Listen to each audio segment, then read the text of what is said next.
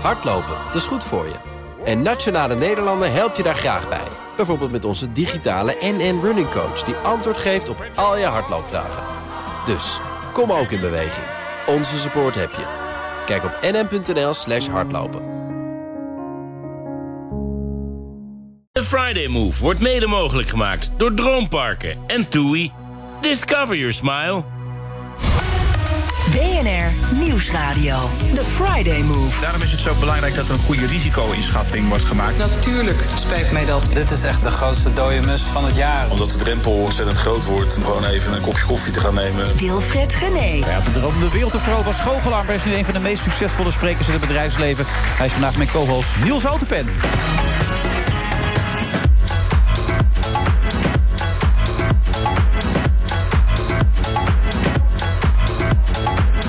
We zitten vandaag weer in de Sky Lounge. Dat is toch wel even aangenaam om weer te zien. Het, het vertrouwde publiek is erbij.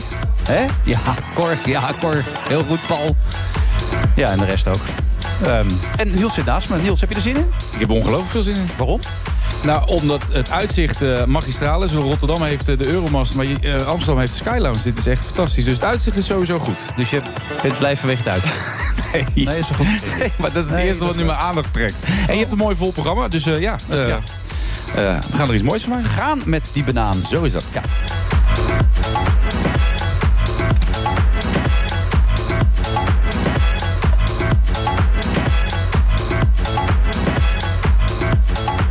Maar Niels, je hebt natuurlijk ook geleerd dat ook als je er geen zin in had gehad, dat je gezegd had: Ik heb er zin in. Toch? Dat is wat jij doet. Dat is de illusie die je altijd moet wekken bij mensen. Eh, eh, ja, nou heb ik me wel voorgenomen met jou in gesprek gewoon zo lang als mogelijk eerlijk te zijn. En de illusie is per definitie natuurlijk eh, niet eerlijk. Nee, maar de luisteraar zit er niet op te wachten hè, dat jij zegt: Ik heb er geen zin in. Want nee, dan- nee, klopt. Nee, Dat, zo werkt dat. Op tv werkt het zo, in het theater werkt het zo. Heel vaak mag je die negatieve ervaringen en gevoelens mag je die delen natuurlijk. Want daar komen de mensen niet voor. Maar aan de andere kant wordt het dan pas echt interessant. Als je gewoon een podium oploopt en zegt... sorry dames en heren, fijn dat u er bent. Ik hoop dat u er zin in heeft. Maar ik heb er vanavond niet zo heel veel zin in. Ik heb het wel eens gedaan. Dat werkt Heb niet jij zo het goed. Ja, en ik heb het ook wel op de radio en op tv gedaan. Dat werkt niet goed, kan ik je vertellen. Dan, dan, dan haken mensen echt af. Die zetten de televisie uit. Of die zeggen, nou, dan heb ik, Dan ook maar nog- niet. dan heb ik er ook geen zin meer in. Dus dat wat jij uitstraalt, de energie die je uitstraalt... dat weet je als geen ander. Zeker. Ja, Dat voelen mensen wel. ja. Dus des te lastiger is het als je er dan geen zin in hebt... om te doen alsof je er wel zin in hebt. Gelukkig heb ik er heel veel zin in. dat is echt zo. Dat is echt zo. Hoe weet ik dat het echt is? Eh, nou, kijk in mijn ogen. Zie de kleur op mijn gezicht. Ehm, dat, denk ik. Dat vind je overtuigend genoeg. Ja, ik, ik geen idee. Dat moet ik jou vragen. Ja?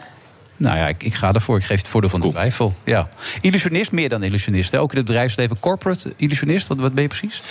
Ja, eh, er zijn heel veel mensen die me altijd geadviseerd hebben om een hokje te kiezen. Maar ik pas niet in een hokje. Dus ik doe dingen die ik heel leuk vind, voor en achter de schermen. Eh, en voor de schermen is dat mensen verwonderen met illusies en gedachte-experimenten. En het liefst in het bedrijfsleven, omdat daar heel veel te winnen is als het gaat over verwondering. Ja. Ehm, en ik jij, altijd- bent, jij bent echt heel goed. Ik, heb namelijk, ik, ik probeerde dit wat achter te, ha- achter te halen van jou. Maar het zijn vooral ronkende persberichten van mensen die jou eh, ergens of willen verkopen of neer willen zetten. Maar je kan alles als ik dit zo lees. ja, je bent Ook dat is een illusie. En Je bent Dat een ondernemer, je bent creator, en Ja, dagvoorzitter ja, en presentator. Ga door, ga door, Eigenlijk ga door. kan Niels alles als ik dit geloven mag. bijna alles. Als ik al die dingen lees, denk ik, nou, we hebben hier met Superman te maken. Eh, ja, eh, ik ben ook wel eens, als ik, als ik een dag geen zin in heb, dan, dan lees ik die biografie. En dan Dan ik, denk je, ben je toch een leuke kerel. Ik ben Superman, denk je dan. We, gaan er weer voor. Ja. Maar Nee, eh, ik, zou, ik zou dit met een korreltje zout nemen, want dit zijn volgens mij eh, hele lieve berichten van inderdaad eh, bureaus die daar, hun geld mee verdienen. ja, die daar ja. geld mee verdienen. Ja. Dus de waarheid is iets anders. Maar ik, Maar als je jezelf mag omschrijven, wat, wat is dan jouw, wat is jouw kracht dan? Waar sta je voor? Maar wat is je kracht? mensen verwonderen, dat vind ik oprecht leuk.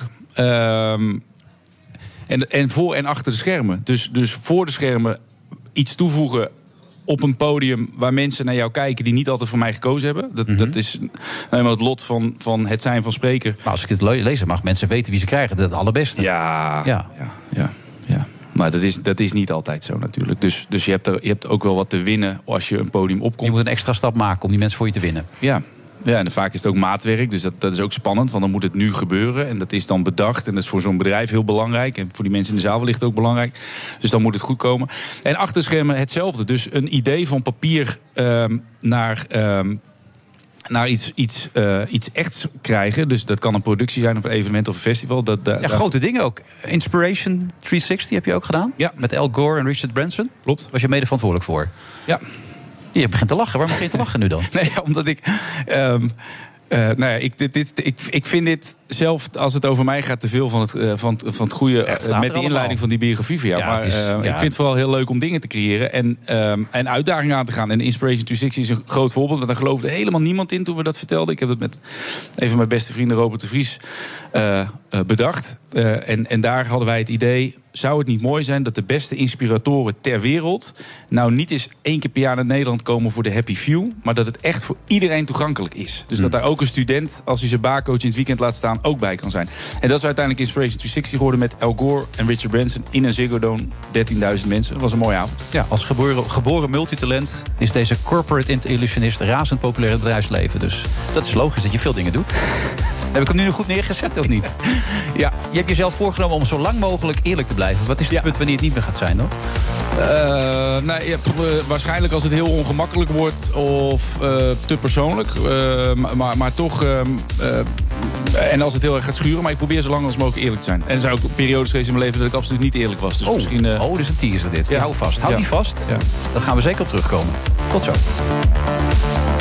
Ik ben Hardlopen, dat is goed voor je. En Nationale Nederlanden helpt je daar graag bij. Bijvoorbeeld met onze digitale NN Running Coach... die antwoord geeft op al je hardloopvragen. Dus, kom ook in beweging. Onze support heb je. Kijk op nn.nl slash hardlopen. Wat een ongelooflijk. Wat gaan we ineens de diepte je hebt er nu twee tegenover je. Mijn- mijn- mijn- is mijn- We zijn pas net Doe net begonnen. of je een psycholoog bent, man. Ja. Eh, nee, ik heb geen... Ja, je, je, kijk, weet je wat, je wat je moet doen? Je moet een verhaal van je eigen leven maken. Ja. En dat deed Cruijff ook. Om even een bruggetje te maken. Ja, je probeert Die- weg te gaan, Ja, want als nee, ik jou- nee, nee, nee, nee, niks ervan. Het- dat, dat, dat vind ik ook ontzettend interessant aan, aan hem. Hij zorgt altijd dat hij zijn verhaal vertelde... en niet het verhaal wat allemaal mensen wil, willen horen. Dus je maakt altijd iets. Je maakt een... een, een eh, zeg maar, je maakt eigenlijk zelf in het- je eigen leven ook een personage. Ja. Maar tegelijkertijd, eh, ik heb een beetje jouw levensverhaal zitten kijken. Daar zit ook genoeg in. Daar zou je ook zoiets van kunnen maken. Hè? Beetje verwaarloosd omdat je zusje eh, heel veel aandacht thuis kreeg. eh, in een punkband gezeten. Op een gegeven moment naar Frankrijk gegaan. Daar een beetje met te veel wiet op gezeten. Ja. vast, even vastgehouden. Ja. Toen werd je het land uitgegooid. Toen zei ze, je mag er nooit meer in met dit paspoort. Paspoort kwijtgeraakt. Dat dan zogenaamd kwijtgeraakt. Nieuw paspoort gekregen in Parijs. Als straatmuzikant aan het werk gegaan. Je hebt- je Later een opleiding gedaan. nog bij een gasbedrijf gewerkt. Opeens dacht je de toneelschool. Als je het allemaal zo leest, denk je zo... Er is wel wat gebeurd in dat leven. Ja, dat is ook zo. Ja. Eh, maar ik ga er geen theater van maken. Niet. Nee. Oké. Ja, Is, is dat dan te confronterend om ooit een voorstelling over je eigen leven te maken? Nou, ik wil wel eens iets eh, gaan schrijven, denk ik, ooit. Um, eh, iets wat ik, eh, ja, hoe ik in het leven sta en al die verhalen die ik heb meegemaakt. Ik heb trouwens ongelooflijk slecht geheugen door al die drugs die ik genomen heb. Dus dat valt heus niet mee. Maar dat was toch wel eens een keer een voornemen om daar eens een, een goed verhaal van te vertellen. Ja, Assen, daar is het allemaal begonnen, toch? Drenthe. Assen, man, hartstikke goed. Ja, ja, QB. Ja, QB, de het. Maar daar- ja, dat was echt fantastisch. Want dat namelijk in Assen is namelijk geen ene reet te doen. Nee. Dus je moet jezelf vermaken. Word je creatief van? Dat is Juist. absoluut waar. Ja. Dus, uh, heel veel talent komt er uit de, uit de provincie. En eh, ja, QB, die ging ik altijd naartoe. Ging, ik zat als klein jochie ook in de, in de repetitieruimte. Dat vond ik echt fantastisch. Geweldig. En eh, dan ga je zelf eh, spelen. En dan denk je, dat moet mezelf eh, een beetje En nu. Johan Cruijff, de musical. Welke Johan Cruijff krijgen we te zien dan? De eigenwijze, Johan Cruijff. Nou ja, dat, is Ja, ook mijn... niet. Maar in ieder geval, ik focus me eh, vooral eigenlijk op de beginjaren. Eh, en... ehm, Ook weer een verhaal, hè? Vader die vroeg overlijdt. Eh, hij leek niet het grote talent in eerste instantie te zijn wat iedereen dacht. Nou, precies. Want Ja. het is eigenlijk, als je erin in verdiept, is het eigenlijk ook een soort Hollywood-story van rags to richness. Want inderdaad, het stond niet in de sterren dat hij een enorme wereldster eh, zou worden. Dus eh had een enorme drive. Grappig dat je dit zegt, sorry Ja? dat ik even tussendoor. Wij Ja? zaten ooit een keer bij Matthijs van Nieuwkerk met Tom, eh Tom eh, Egbers en nog een aantal sportpresentatoren. Toen lieten ze oude beelden zien van Johan Cruijff. En die stond een bal hoog te houden, maar dat ging niet zo goed.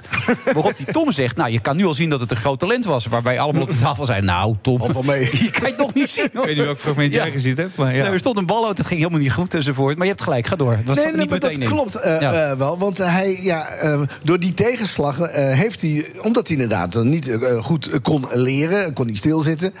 Tegenwoordig heet dat eh, ADHD, laten we hem zo ook zeggen. Eh, eh, dus hij was nogal druk. Dus eh, hij had geen diploma's. Hij had, een profvoetballer was toen nog geen vak, dus hij moest het zelf uitvinden. En die drive. Hè? Dat, eh, dat kenmerkt hem. En dat eh, kenmerkt denk ik ook eh, alle mensen die eh, heel groot worden in iets. Ja, hoe eigenwijs ben jij dan, dan Niels? Eh, eigenwijs. Maar ik ik denk dat, dat, dat je in ons vak, als je wil blijven ontwikkelen, eigenwijs moet, moet zijn. Ik denk niet zo eigenwijs als, als Johan Cruijff, eh, als je de verhalen mag geloven.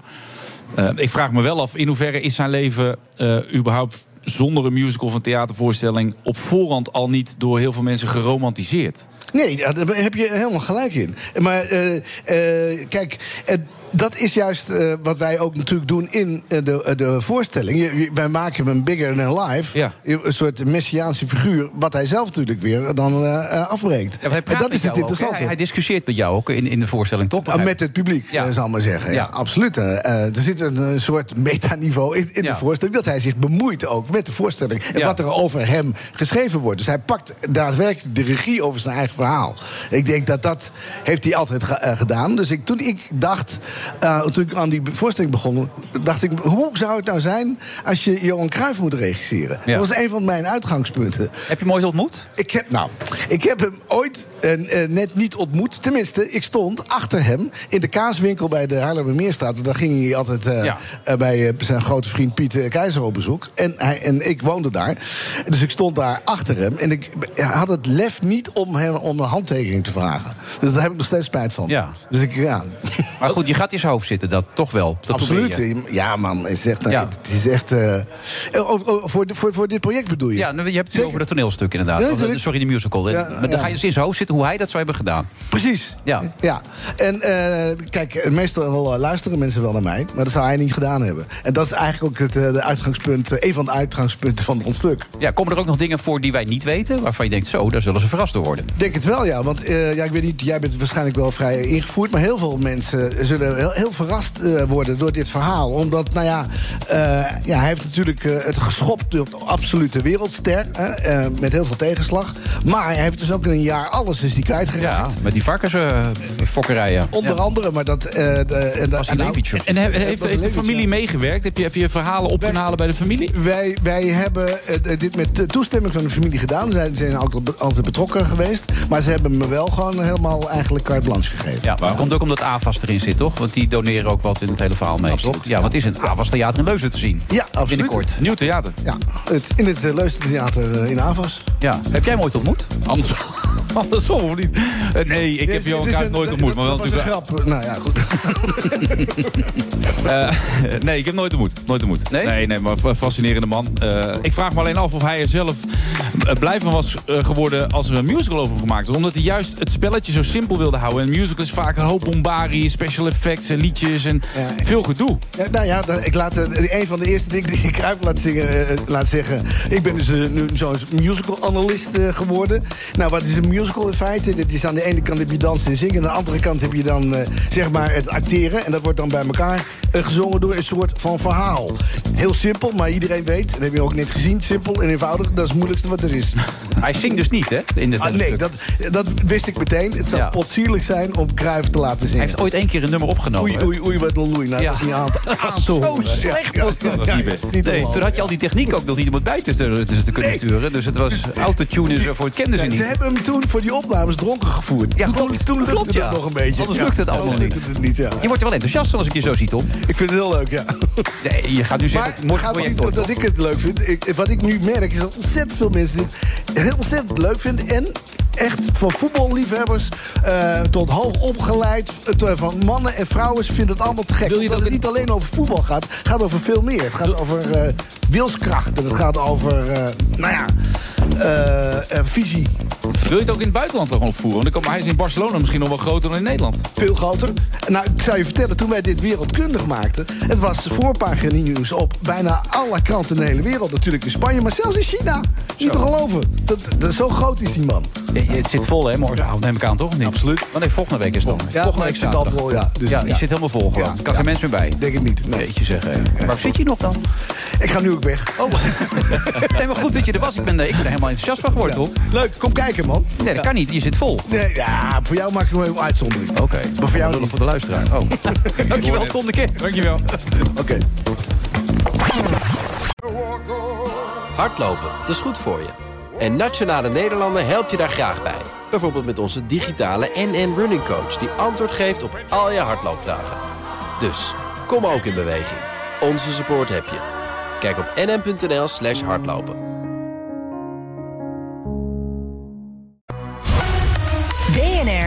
Nieuwsradio. The Friday Move. Moet je niet alleen kijken naar het risico op corona. Wij zijn eh, enorm eh, verbaasd en dat is zeer zacht uitgedrukt. En dat laatste kan ik je niet garanderen. Dat heeft natuurlijk wel een goede uitleg nodig. Wilfred Gené. Accepteren en doorgaan is het motto van voormalig BMX'er Jelle van Gorkom.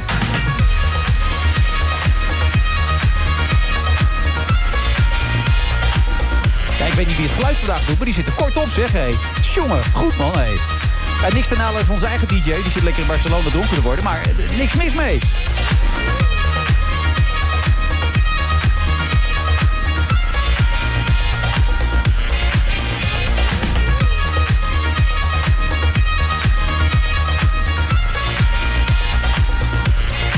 En mijn co-host van vandaag is eh, corporate illusionist, eh, multitalent uh, Niels, Niels Houtenpen. je was niet altijd eerlijk tegen jezelf. Wat Nee. bedoel je daarmee dan? Eh, nou, wat ik daarmee bedoel is dat ik heel jong het vak in ben gekomen eh, met- een bepaalde droom. Toen wilde ik eh, de wereld veroveren als, nou ja, eigenlijk als illusionist. Die droom kreeg ik een andere wending omdat ik de kans kreeg om programma's te presenteren. En vanaf dat moment kwam ik in die, in die Nederlandse, nou, noem het showbizwereld. En, en ehm, ik wilde gewoon echt slagen en succesvol zijn. En ik was heel eager. En, en daarmee ging ik met mijn eigen authenticiteit een klein beetje aan de haal, denk ik. Ehm, dus toen wel een hele periode. Je speelde iemand. Ja, ik had, ik had ook een artiestennaam. Dus Ja, ik heb Nick Nielsen, toch? Ja, ja, ja. Oh, je bent er blij mee als ik hem noem. Nee, nee, Nee, dat de- zie ik aan nee, nee ja, dat was, als, als jongen van 16 was dat prima om een artiestennaam te hebben. Maar die, vanaf het eerste programma wat ik voor RTL 4 maakte, eh, durfde ik daar, daar begon het al met de leugen. Bij eh, de afdeling PNO niet te zeggen dat ik een artiestennaam had. Ehm, dus toen tekende ik een contract in eerste instantie op, eh, op een, eh, op een niet-echte naam. En uiteindelijk ben ik ook dus een aantal programma's gaan maken onder die naam. En ja, op een gegeven moment begon dat te wringen. Dus ik werd de- rond mijn dertigste dacht ik, wat ben ik nou aan het doen? Weet je wel? Alles wat ik aan het doen ben, ben ik onder, aan Ja. het soort van opbouwen. Je onder vader overleed ook nog, begrepen. vader overleed. Dat is zo'n moment dat je dan eh nou, na gaat denken over, over dingen waar je niet altijd over nadenkt. En toen googelde ik mijn vader. en daarna googelde ik mezelf. En toen kon ik dus niets over mezelf terugvinden. Terwijl ik to- nou, eh, eh, je, je- je- toch, Zoon toch, vast van een man. toch dingen doet. En, eh, en toen was ik helemaal klaar ook met die artiestennaam. En, eh, en, en ook met dat, met dat imago of dat masker wat daaraan vasthangt. Oké, nou mooi omschreven. Gaan we zeker op door. We zitten nu met Jelle van Gorkom en zijn eh, biograaf Ad van Ham. Jelle, jij moet als geen ander eerlijk tegen jezelf zijn, lijkt mij. Absoluut. En hoe is dat elke dag weer? Ja, een confrontatie, maar ik ben eigenlijk niks anders gewend dan dat. Dus je doet dat gewoon. Ja, je kan niet anders, bedoel je Nee, ook? ja. Nee. Ad, eh, welkom. Dankjewel. Voor de mensen die Jelle niet kennen, kun je kort zijn verhaal vertellen? Kort. Heel kort, ja. Het is, het is eigenlijk heel lang, maar het is tegelijkertijd ook in een paar zinnen te. Eh, Jelle eh, was voor deze zomer de beste BMX'er in de historie van Nederlands BMX. Tweede met de Olympische Spelen hè, in Rio. Zeker. Ja. Tweede in Rio, tweede op het WK. eh 15 keer Nederlands kampioen BMX. En na Rio 2017 had hij een slecht jaar. En 2018 dacht hij, nu moet alles anders. En eh 9 januari 2018 had hij een eh, vreselijk ongeluk op Papendal.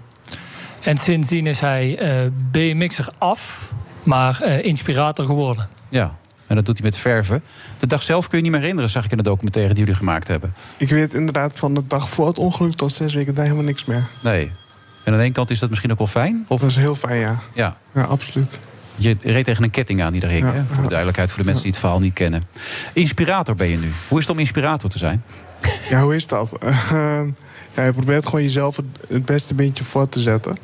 En dat doe je dan door middel van hopelijk andere mensen te kunnen inspireren. Ja. En dat doe je gewoon op, oh, in die zin op je beste mogelijke manier.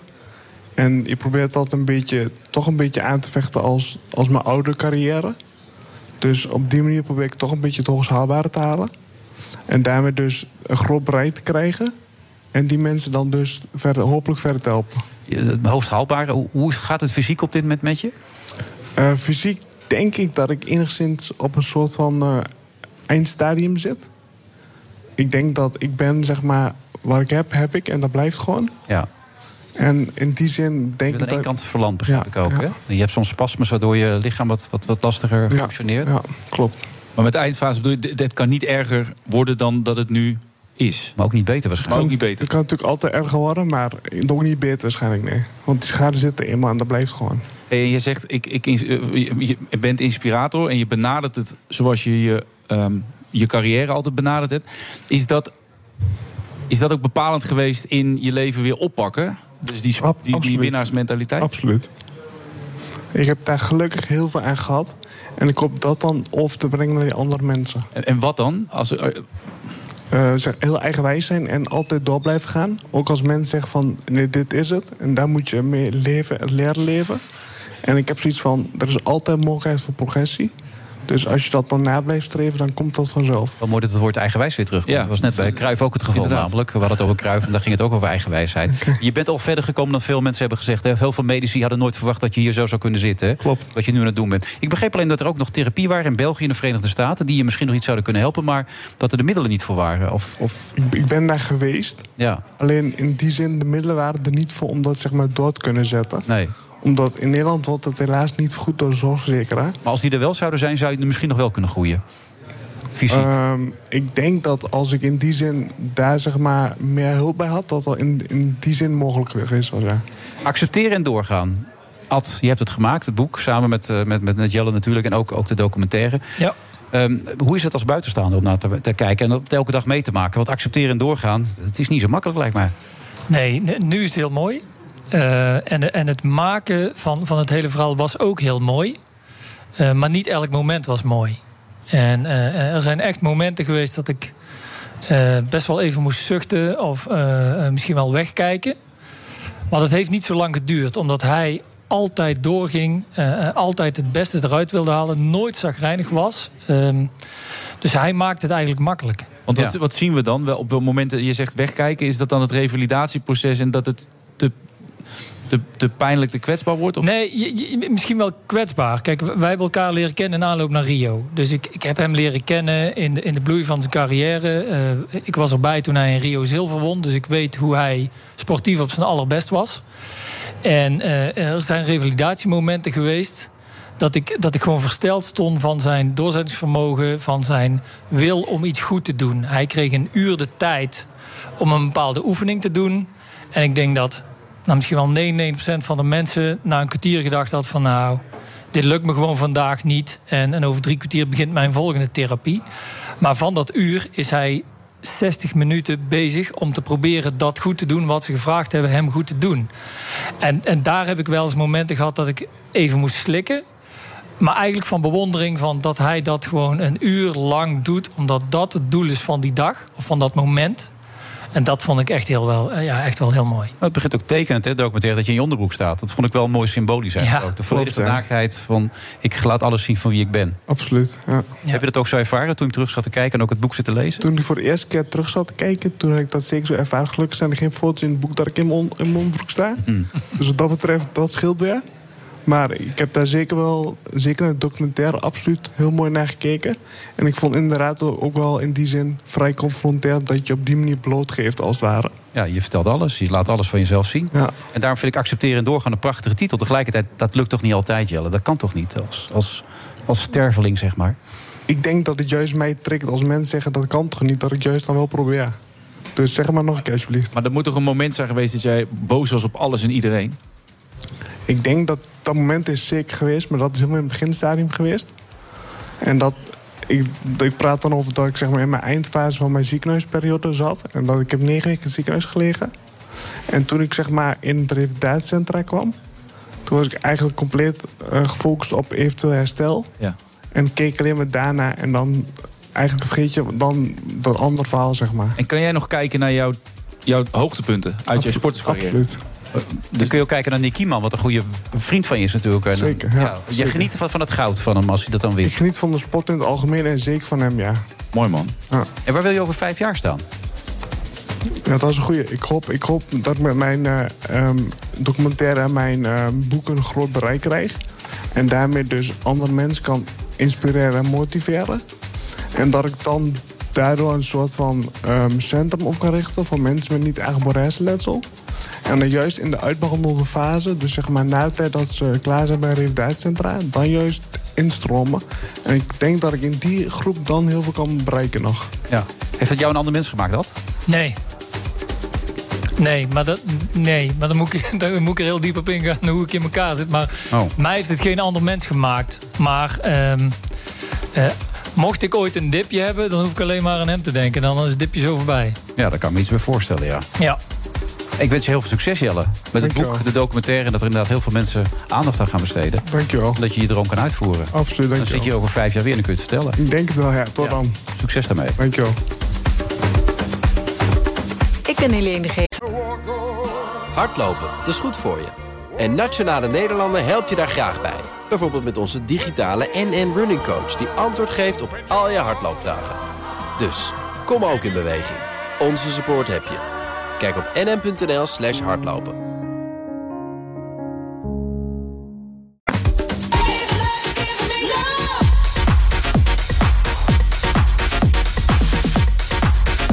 Vrijdag 17 september. We zitten in de Sky Lounge. Prachtig uitzicht inderdaad. Dus echt geniet hier als je hier zo zit. En, en mocht je langs willen komen, dan kan dat natuurlijk altijd. Het is weer afgeladen vol. Eh, hoe dat zit, weet ik eigenlijk niet precies met die, met die regels enzovoort. Maar goed, dat maakt ook verder niet uit. We zitten hier gewoon met z'n allen, daar gaat het om. Eh, naast me Niels Houtenpen, Nick Nielsen in het verleden nog. Je, je, wordt, je krijgt een soort walging over je toen ik die naam net noemde, hè? Dat, het, het was niet, je Ja, er was, niet ik, was ik me niet van bewust, maar... ehm, Of is dat cold reading dan? Wat ja, ik ja, nee, dat, dat, eh, eh, ja, leert, ik weet niet of je het boek al hebt gelezen. Ik, heb een gedeelte van het ik vond het stuk cold reading vond ik echt geweldig. Want dat zijn natuurlijk. Ja, misschien kun je even kort uitleggen wat cold reading is? Ja, cold reading is doen alsof je iemands gedachten leest... eh, zonder dat je iemands gedachten leest. Ja. Dus eerst goed te observeren, was Ja. het volgens mij. Dan Ja. algemeen geldende uitspraken. En dan conclusies trekken. Ja. Ja, het is, het is iets wat, wat we herkennen van, van... En dan wordt het ook vaak heel slecht gedaan, soms ook heel goed. Hè, maar waarzeggers, paragnosten, Ja. eh, zonder er iemand in tekort te doen... maar die, die, eh, die claimen dan op enig moment bovennatuurlijke gaven. eh, en veel daarvan gebruiken deze techniek. Ja, als je nou naar Daniel kijkt, hè. Daniel Bosseff, hè. Hartelijk welkom. Van de eerste gewoon even een testje op hem. Wat hij uitstraalt nu. Nou, ik, zie- ik, ik zie dat Daniel zijn vermoeidheid een klein beetje verbergt. Achter wat? ik heb geen make-up op. Nee, maar wel achter de microfoon. Ah, en oké. eh, eh, en gefocust is, want hij wil hier graag een goed verhaal vertellen over een, eh, een, eh, mooie, eh, mooie productie. Ja, de schuldig. Dus hij is heel scherp nu. Ja. Ja. Is hij eerlijk tegen zichzelf, denk jij? Ik denk dat Daniel, eh, nou, net als wij, eh, eh, op momenten niet eerlijk is, maar eh, vaak wel eerlijk is tegen zichzelf. Hoe zei Tom ik de denk dat een Ketter acteur. net? Je- je ja, de, speelt? je eh, nee, de, de, de, de waarheid liegen. De, eh, dat Op is toneel. Op het toneel. Op het toneel Dat is wat een de acteur vaak waarheid. doet. De waarheid liegen. Ja. Ja. nou ja, eigenlijk wel. Ja. Want het, is natuurlijk niet, eh, va- vaak niet je eigen waarheid. Ja, ja zo. Ja.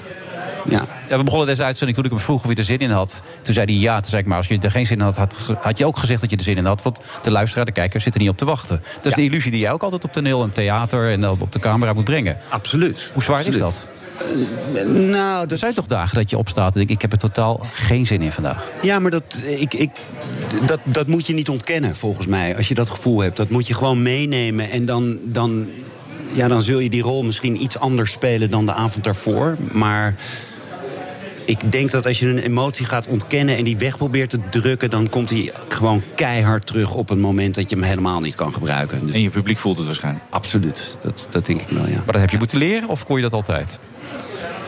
Eh, dat is iets waar je, ja, waar je eh, gaandeweg achter komt. Dat heet professionaliteit? Ja, dat denk ik wel, ja. Ja. ja. laten we het zo maar noemen. Waar, waar sta jij op het niveau van professionaliteit als je een schaal van 0 tot 10 hebt? Eh, op 10? Ja? Ja, zeker. Je kan altijd, altijd het brengen wat, wat gebracht moet worden. Nou ja, in principe, ja, god, weet je.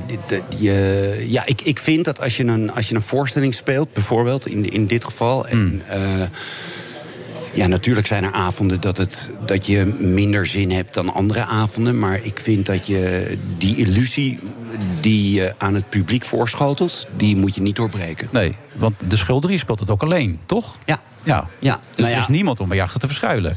Als je een slechte wedstrijd speelt in een elftal... kun je dan zeggen, ja, ik verschuil me een beetje zo... ik laat een paar ballen lopen, maar dat kun jij niet. Nee, maar er is ook niemand die, die jou eh, die het in de war kan sturen. Dus ik vind het. Oh, ik vind- dat is ook ja, waar, ja. voor beide. Je bent voor beide alles wat, wat te zeggen. zelf verantwoordelijk. Ja, Ja. ja. en dat vind ik heel prettig eigenlijk. Ja, De schuldige, je zat met je vrouw naar een film te kijken. ja. In ja, ongeveer eh 2,5 jaar geleden inmiddels alweer. Ja. Ja, een Deense film. Het was een debuutfilm van eh Gustav Moller, Muller. En eh, een Deense film. En ik zag die film, we hadden een tip gekregen van een vriendin van ons. En ik zat er naar te kijken en ik dacht, ja, maar dit zou ook een heel spannend toneelstuk kunnen zijn. Ja. En zo is een beetje dat balletje gaan rollen. Kun je kort eh, vertellen? Het gaat over een politieagent die in Bijlen op de meldkamer zit, volgens mij. Ja. Eh, ja, het gaat. eh, nou ja, inderdaad, dat, dat, heb je, dat, dat zeg je goed. Eh, ja, het is een persoon die zit eigenlijk tegen zijn zin. Dus hij wil eigenlijk het liefst. eh, hij vindt zichzelf gewoon een hele stoer. Het is eigenlijk iemand. Hij zit op een positie waar hij zichzelf te goed voor voelt. Ja. Hij is gestraft toch ook nog? Ja. ja. Ja, hij heeft iets gedaan waardoor hij daar moet zitten een tijdje. En hij is in afwachting van een rechtszaak, wat, wat de uitspraak gaat worden daarvan. En eh, dus hij, krijgt, hij zit op, in een soort alarmcentrale. Dus hij krijgt eh, belletjes van iemand die dronken is, iemand die beroofd is. En, eh, maar goed, dat zijn dus allemaal dingen die hij af moet handelen. En op een gegeven moment wordt hij gebeld door een vrouw. En hij vermoedt dat zij is ontvoerd. En op dat moment ja, gaan bij hem eigenlijk alle, gaat alles, staat alles aan. En op dat moment kom je in een soort psychologische thriller terecht... waarin hij dus eh, alleen met een telefoon ter beschikking en zijn computer... eh, moet uitzoeken waar die vrouw zich bevindt, door wie ze ontvoerd is en waarom. En, en wat, wat kan je in het theater eh, aan zo'n verhaal sterker maken ten opzichte van de film? Ehm, de film is er al en toch heb jij de behoefte gehad, ik ga het spelen. Wat, Dan wil je toch iets, iets toevoegen, kan ik me voorstellen. Ja, het, eh, nou ja, het, is. ehm, ja, het grappige is dat het eigenlijk. Het, het gaat ook terug een beetje naar het hoorspel. Want ik zit wel weliswaar in mijn eentje op het podium. Maar goed, er zijn een stuk of acht, negen andere karakters waarvan je alleen de stem hoort. En dus eigenlijk hebben we een soort klassiek dingetje hier naartoe getrokken met alle mogelijkheden van nu, van de 21ste eeuw. Mooi.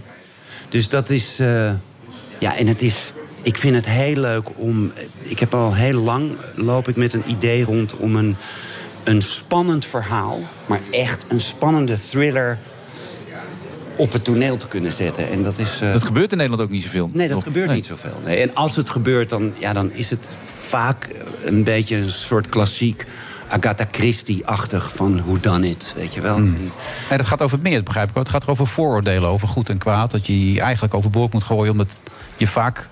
Ja, je weet het vaak niet. Nee. En, en... Weer die illusie trouwens ook vaak, hè? Ja. ja. Nou ja, inderdaad. En er zit een goede enigma in het verhaal. Waardoor je, ja, waardoor je als kijker ook denkt. Ook als je die, toen ik die film zag, toen dacht ik op een gegeven moment: oh ja, nu, nu weet ik het. En dan toch word je even helemaal op een ander been gezet. En dat vind ik. En, en is het dan elke keer toch weer een ander gevoel? Want je- speelt hetzelfde stuk. Maar kun je dan elke keer toch weer met iets anders eh, het theater verlaten? Of is het één en dezelfde emotie dan? Wat, ik als speler? Ja, als speler, ja. Dat probeer ik me gewoon voor te stellen. Ja, als, als speler verlaat je sowieso elke avond het theater met een andere emotie. Want de, hoe, ook, ook al is het verhaal hetzelfde, de avond is nooit hetzelfde. Want jij bent ook nooit hetzelfde, eigenlijk. Dus, dus dat, Dan ben je bewust van elke keer opnieuw? Ben je er zo aanwezig dan? Of kun je ook op een automatische piloot zo'n stuk spelen? Nou, op het moment dat ik bij mezelf merk dat het een automatisch piloot wordt... dan probeer ik daar heel erg van weg te blijven. En dan probeer ik altijd een soort nieuwe ingang te vinden... om toch weer het fris eh, dit verhaal te kunnen Maar praat je met jezelf dan? Zit je in een metataalniveau? Hadden we het net ook even over. Tom de Ket, over metataal gesproken. Nee, ik, ik praat niet met mezelf, maar ik kan wel... eh, zeg maar proberen om dan van nou kijken of ik misschien deze ingang kan kiezen vanavond of zo. Of het van die kant te benaderen. En daardoor toch een beetje de spanning ook voor jezelf erin te houden. Dan, neem je elk, dan neem je een soort van opdracht mee de bühne op, elke avond opnieuw. Ja, eigenlijk wel, ja. Maar dan moet je toch ook herkennen, de dingen die jij het hebt gedaan... met performen enzovoort. Ja, nou ja, ik, ik kreeg ooit een gouden tip van eh, Theo Maas. Die speelde eh ticketje met zichzelf. Dus die, hey, die, er stond er ergens een, een, een, een kopje koffie. En dat mocht vooral het publiek niet weten. Maar hij had als doel om dan een aantal keer dat kopje koffie aan te tikken. Ja. Eh, waardoor hij dus een, een extra laag in die voorstelling eh, eh, eh, had gelegd. Die hij elke avond moet spelen. Dat, dat Ja, nee, je, ligt in moet- lijn je, je, je moet voor jezelf, of tenminste, je moet niks natuurlijk, maar het is, wel, het is wel interessant voor jezelf om een aantal obstakels in te bouwen of zo. En dat kan elke avond natuurlijk veranderen. En inderdaad, dat hoeft niemand te weten. Dat maakt het ook zo leuk. Dat is ook dit vak. Ik, ik bedoel, ik zie soms duizend deuren tegelijk. Ik, denk, ik kan daar naartoe, ik kan daar naartoe. Welke deur zal ik pakken deze keer? Dat moet bij jou dus ook een beetje zo zijn. Toch ondanks het feit dat je hetzelfde stuk speelt. Absoluut, Ja. absoluut. En bij jou dus ook, als je met illusies bezig bent.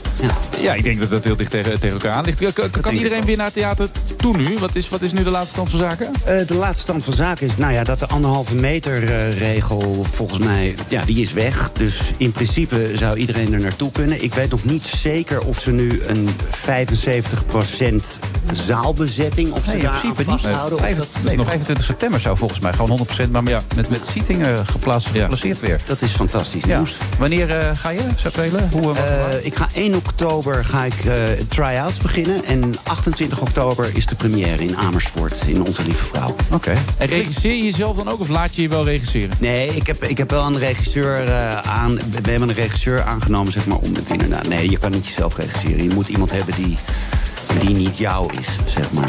Ik wilde zeggen, het klinkt spannend, maar dat is vaak zo met een thriller. Dus, eh, Mag ik hopen? dat is toch wel het minste wat je mag verwachten. Daniel, kom, Wassen, kom kijken. Ja, we kom zijn kijken. benieuwd. Ja, goed verteld ook. Er zat een soort eh goede teaser in, vond ik. Zeker weten. Ja, eh, je zat er ook in, weet je. Je, je nam het ons mee. Dat is altijd fijn. Dat is een soort hoorspel bijna. Ja, nou, dat is fijn Weet je, weet je of de oorspronkelijke acteur... we- Weet hij dat jij dit gaat spelen? Dat denk ik niet, nee. Oh, maar na deze uitzending wel, hoor, denk ik. Ja, kom. Ja, dankjewel, dankjewel, hè. Graag gedaan. De Friday Hardlopen, dat is goed voor je. En Nationale Nederlanden helpt je daar graag bij. Bijvoorbeeld met onze digitale NN Running Coach... die antwoord geeft op al je hardloopvragen. Dus, kom ook in beweging. Onze support heb je. Kijk op nn.nl slash hardlopen. Wordt mede mogelijk gemaakt door Droomparken en TUI. Discover your smile. BNR Nieuwsradio. The Friday Move. Dat geldt ook voor degene die om het hardst roepen hoe onwijs gaaf ons landje is. Laten we daar nou een afspraak over maken. Dan kunnen we dat dansen nog eventjes verbieden. Dat is geen totaal falen. Ik vind het verbluffend. Wilfred Gené. Ja, hij wilde Nick Nielsen om Niels Houtenpen te worden. Dat is hij ook namelijk echt. Hij is nu corporate illusionist en hij schijnt de Whalen heel goed te kennen.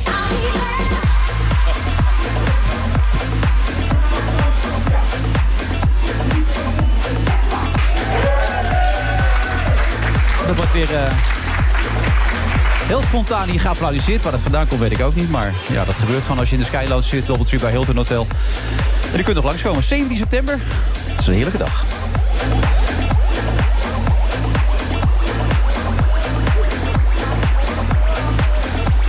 Ja, de fiets staat een keer niks aan inderdaad. Dat is hartstikke lekker allemaal. Ja, het leven is heel kort. Je moet er een beetje van genieten. Ehm, eh, hoe kennen jullie elkaar precies dan? Ja, correctie, want goed kennen durf ik niet zeggen. Maar we kennen elkaar al wel lang. Zeker. Ik denk... Een jaartje of twintig, eh, denk ik. eh, ja, best wel een hele lange tijd inderdaad. Ja. Ik weet eigenlijk niet meer wat er allemaal gebeurd is in die tijd, maar, eh, dat veel, maar dat ligt waarschijnlijk aan mij. Ja, ik heb, ja, ik heb ooit de het, eh, publieksopwarming gedaan bij de eerste clip van. eh, Wat van, Paul eh, net deed, met het publiek. Ja, Dat- wat dat- Paul, maar Paul doet dat veel beter. Ik, ben- ik heb na die avond ook gestopt. En we hebben ooit hetzelfde, eh, bij hetzelfde impresariaat management zaten. we. En Oké. vanaf die tijd kennen we elkaar. Dat kon je allemaal nog herinneren, toch? Of Dat niet? weet ik allemaal nog. Ja. Daarna. Ja, ik ben goed in gezichten. Ja?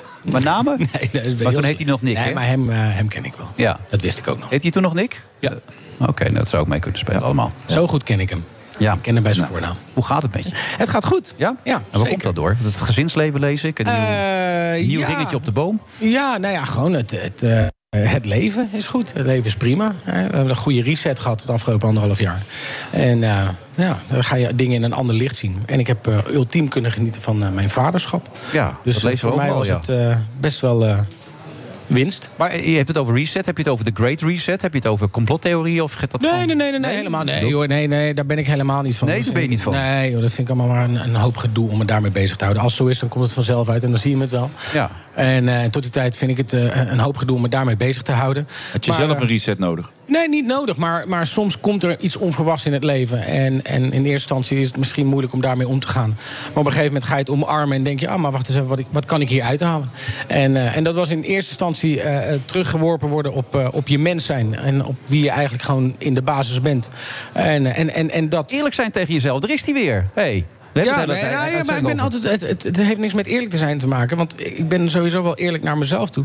Alleen soms is gewoon hetgeen wat je om je heen hebt... dat neem je maar voor lief. Dat neem je maar gewoon vanzelfsprekend. En, en in één keer is het daar. En, en, en is dat het enige wat je op dat moment hebt. En dan ga je de waarde daar nog meer van zien. Dat grote huis, die grote auto, die mooie tuin eromheen. Alle dingen waar je hard voor gewerkt hebt... en waar je je best voor hebt gedaan, waar je pijn voor hebt geleden... waar je geluk voor hebt gehad. eh, dat is allemaal hartstikke tof. En, maar is ook relatief geworden. Ehm, want alles wat daar binnen gebeurt is veel belangrijker. Maar is Ja. dan muziek belangrijker of minder belangrijk voor je geworden? Eh, muziek is altijd eh, even belangrijk. Ik bedoel, dat is namelijk gewoon een onderdeel van wie ik ben en wat ik ben.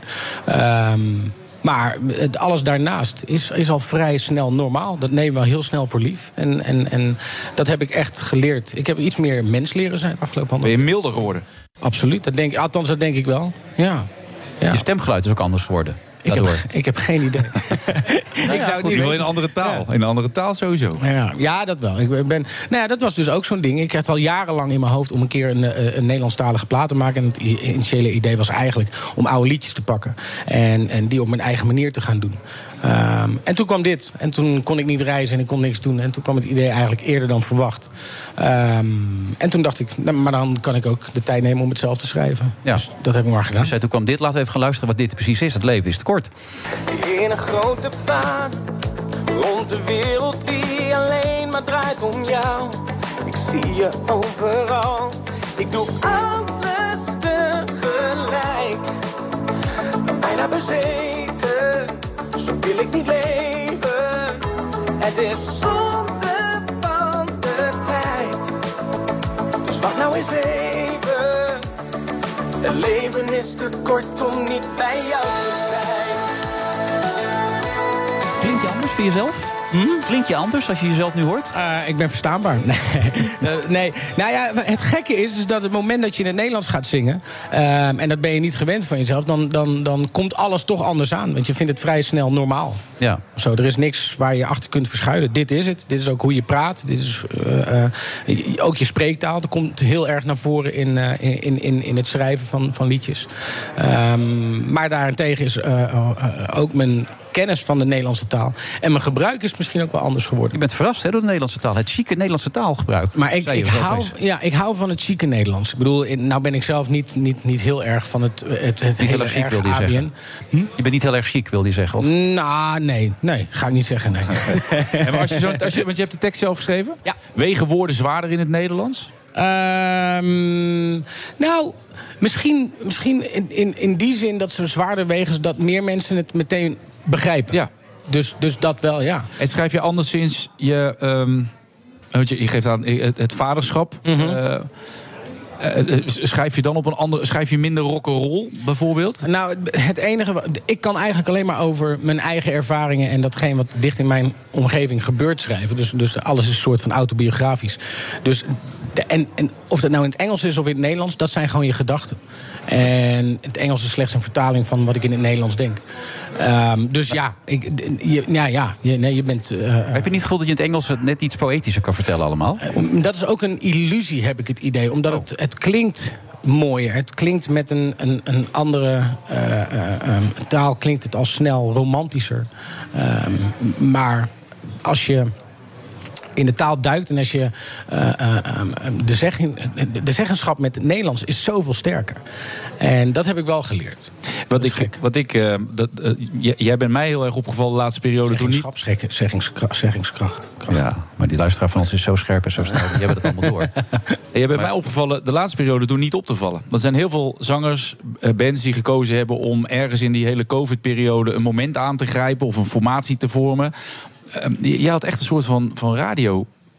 Ja, je was ik- even weg. Hij is toch een keer bij ons langs geweest? Ja, die heb ik dan Ja. gemist, die uitzending. Maar, Ja. maar voor de rest. eh, Nee, nee, nee. Nou goed, kijk, de- de- sommige dingen zijn gewoon heel erg leuk om te doen. En die heb ik ook wel gedaan om af en toe bezig te zijn. Ehm, maar nee, ik vond het, ik vond het oké zo. Ik vond het oké om gewoon eens even lekker mijn mond te houden. Ehm, iedereen had genoeg problemen. En ik vond mezelf niet de aangewezen persoon om dan eh, eh, ehm, blijdschap te komen brengen. Van, oh ja, nee, maar we moeten met z'n allen leven. En, eh, ja. Nee, Heb je niet zo warm trouwens met die jas aan? Die Eh, nee, ik ben altijd heel relaxed. Dus, Ja? Ja. Ik kan me voorstellen dat je de rot zit te zweten. Nee, nee, nee totaal niet. Hoe is het eigenlijk om buiten categorie in Nederland te zijn? Oh jee, dat weet ik niet.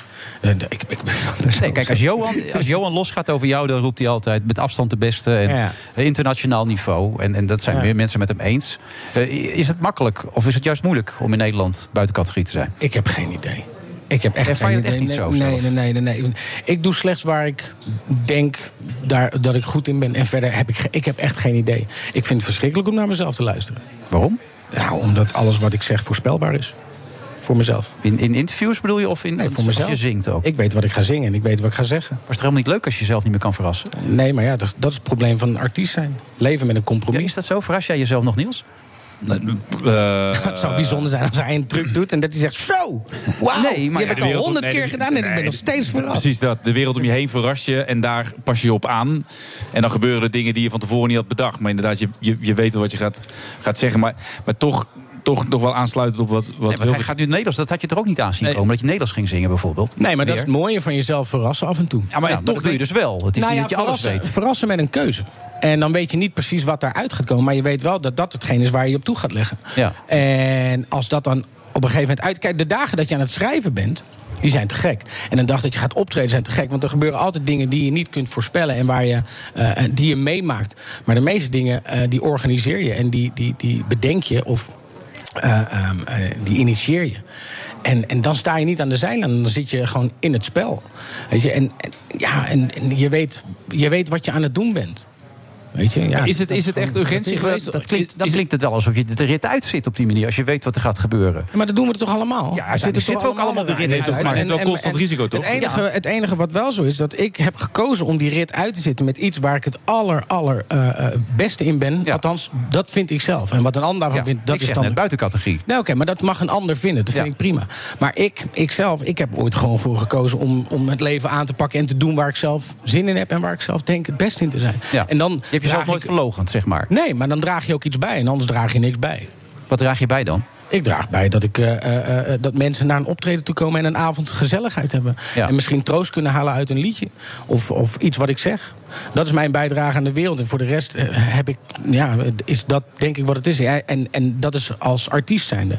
Daarnaast ben ik nog gewoon vader en, Ja. en, en man. En, en dat is weer een heel ander verhaal.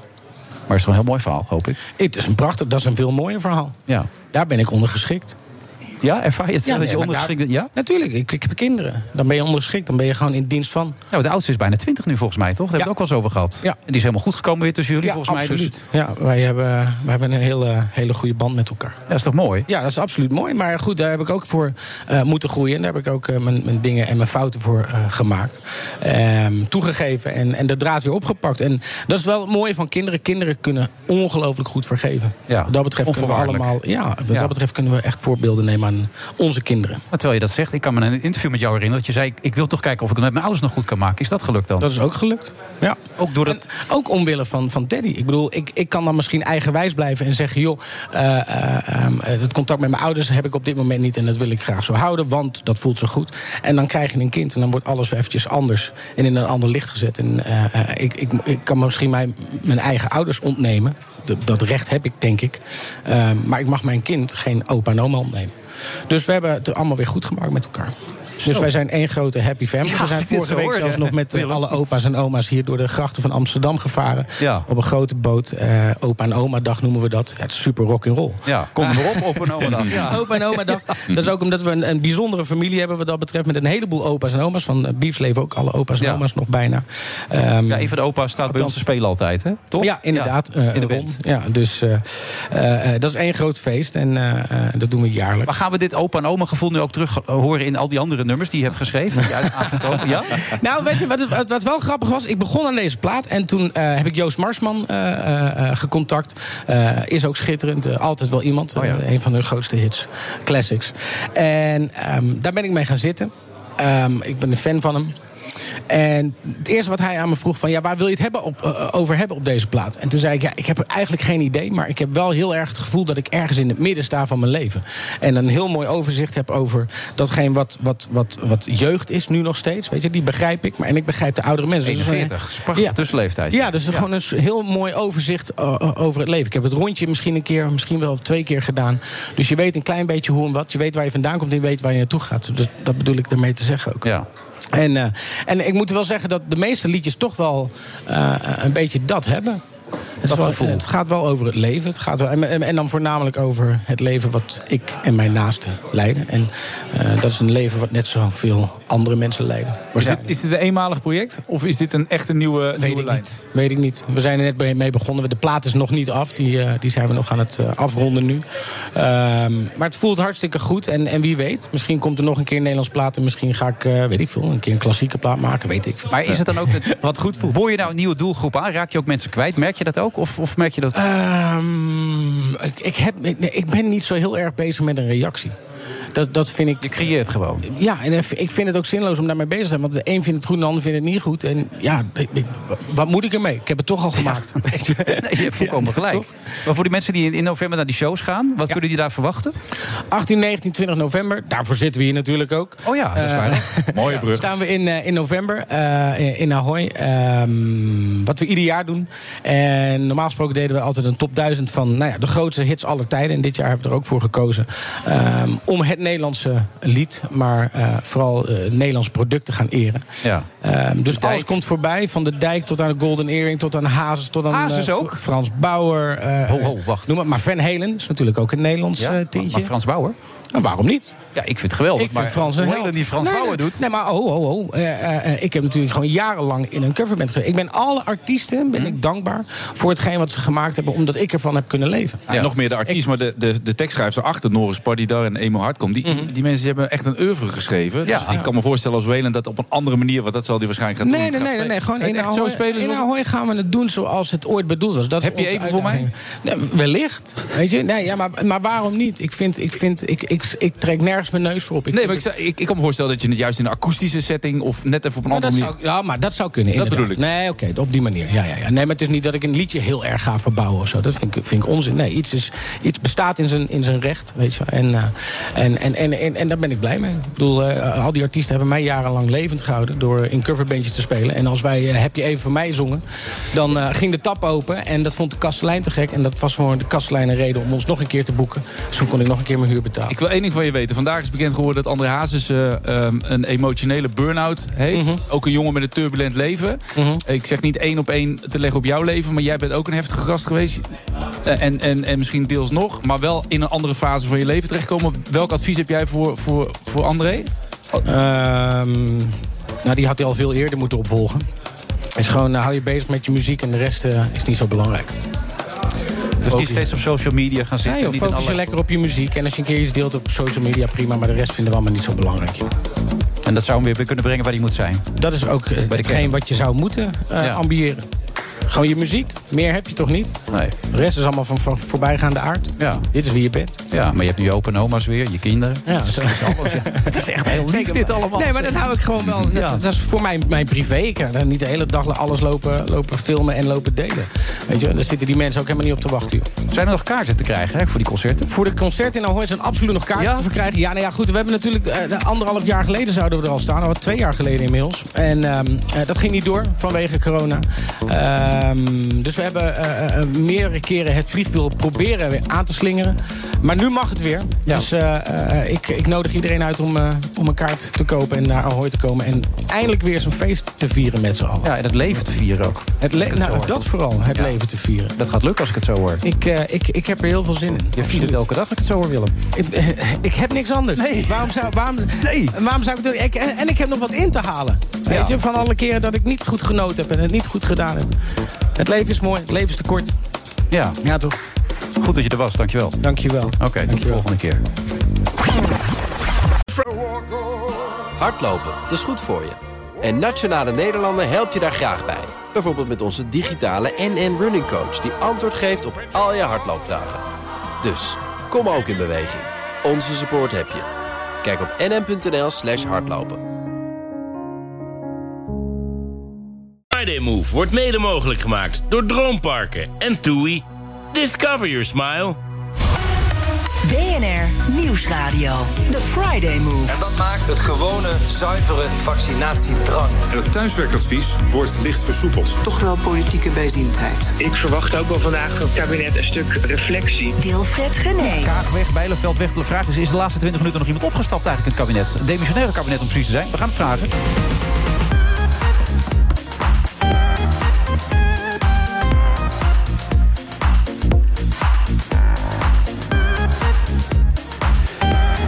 Friday van de vrijdag eh, 17 september. Wat zijn we weer verder, ver onderweg trouwens. Niels Houtenpen, eh, columnist, eh, wat zou ik zeggen, columnist, illusionist. Ben jij een columnist trouwens? Nee. Nee? Nee. Dat kan nog, hè, als Ja. multitalent. Ja, allemaal dat hoort er zeker bij, denk ik. Ja, jij zei aan het begin van deze uitzending... ik ga proberen zo lang mogelijk eerlijk te blijven. Ja. Is dat tot nu toe gelukt? Ja, deze uitzending wel. Oké, eh, wat heb jij gestemd de laatste keer? Eh, VVD. Waarom?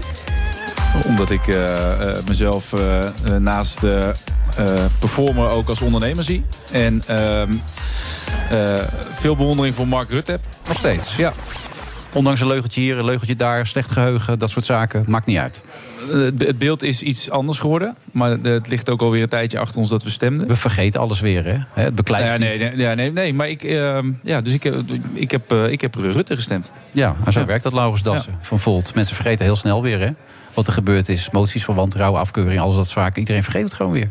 Ja, nou laten we hopen dat dat eh, niet al te vaak mee gebeurt. Eh, en ik denk dat Sigrid Kaag daarin gisteren een heel mooi en duidelijk signaal heeft afgegeven. Eh, door, eh, Meesterzet toch gewoon? Een meesterzet. nou, ik vind dat zij haar politieke verantwoordelijkheid heeft genomen voor de ja, kabinetsactiviteiten die in Afghanistan niet helemaal goed zijn gegaan. Maar dat moest ook wel naar wat ze gezegd had over Rutte. In zijn geval was ik opgestapt toen, heeft ja, toen en gezegd. toch, ehm, er is een eh, motie van afkeuring tegen haar aangenomen. Dat is een tik op de vingers eh, voor het eh, beleid. Ehm, zij heeft daar haar politieke verantwoordelijkheid voor genomen. En ik denk dat dat een krachtig signaal is. En ik denk dat veel bewindspersonen daar ook een voorbeeld aan zouden moeten nemen. Ja, maar ze gaat lekker door. Binnenkort bij het formeren is er weer een kabinet... en dan zitten ze er gewoon weer, gaan we gewoon weer verder. Toch? Zo werkt het toch? Ehm, nou, er gaat inderdaad hopelijk geformeerd worden. En laten we inderdaad hopen dat er zo snel mogelijk een kabinet gaat komen. Inderdaad. Is en daarom is het ook belangrijk dat dit een motie van afkeuring is geweest. Die gaat over het beleid van het huidige kabinet wat gevoerd is. En niet een motie van wantrouwen die vaak directer tegen de minister zelf is. Je klinkt echt als een politicus, Laurens. De eerste paar minuten. Ja, je denkt over elk antwoord na. Je geeft geen ja-nee-antwoorden, maar je gaat gelijk beginnen met een statement. Dat doe je goed. Nou, dank. Je zit er gelijk Eh, in. Dan heb ik Ja. toch de afgelopen zes maanden iets geleerd. Ja.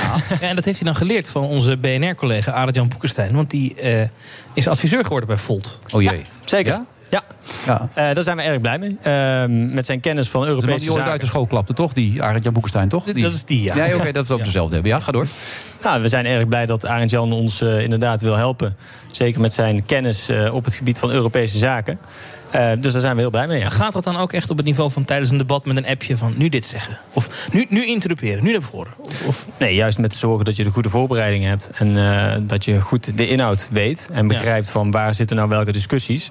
Zodat je dat van tevoren scherp hebt. Zodat je in het debat inderdaad snel naar die microfoon kunt lopen. Om te zorgen dat je kunt interpreteren. Ja, is het de laatste 20 minuten nog iemand opgestapt trouwens? Of is het nu even rustig? nee, nee, de laatste die is opgestapt is Nee? Anke Bijleveld. Ja, dat is, dat is- maar die wil eigenlijk niet, toch, opstappen? Dat, nee, dat is de, de Nee. minister van Defensie die dus eh, opgestapt is. Die, gisteren werd tegen haar een motie van afkeuring aangenomen. Die overigens zwaarder was geformuleerd dan de motie van afkeuring die aangenomen werd eh, tegen Sigrid Kaag. Mhm. Eh, maar zij bleef toch zitten. En ehm, gisteravond laat merkte hij al wat, wat gefrons binnen haar eigen partij. Hmm. Ehm, en vanmorgen ja, kwam dat ook in de media vrij snel terecht. En dan krijg je dus die, die gekke discussie... dat de eigen partij eigenlijk vindt dat ze had moeten aftreden. En toen eh, was er een situatie waarbij er een topoverleg was eh, van het CDA. De ministers uit het kabinet erbij, Grappenhaus, Hoekstra. Ehm, en zij dus, en daar is uiteindelijk het, eh, naar voren gekomen dat zij aftreedt. En ze zegt zelf dat ze aftreedt, niet onder druk van haar partij. Nee, tuurlijk niet. Maar omdat er nu discussie is ontstaan over haar positie, zegt Ja. ze, dan kan ik niet meer eh, eh, mijn werk doen. Dat kan ik niet maken tegenover de mannen en vrouwen bij Defensie. Maar ja, dit, wat ik zei over tactische meesterzet. Ik bedoel, Kaag gaat toch straks zeggen... kijk, ik neem wel mijn verantwoordelijkheid daar waar de minister-president bijvoorbeeld niet deed... die niet weg wilde gaan. Het, is toch allemaal schaken wat er gebeurt, Laurens? En jij denkt dat, hij dan, dat ze dan dus ook weer terug aan die onderhandelingstafel komt? Tuurlijk. Ja, en kan dat ze heeft ze ook duidelijk al aangegeven. Ja. Hè? Dus ze heeft ook gewoon gezegd van ik ga nu door met de formatie.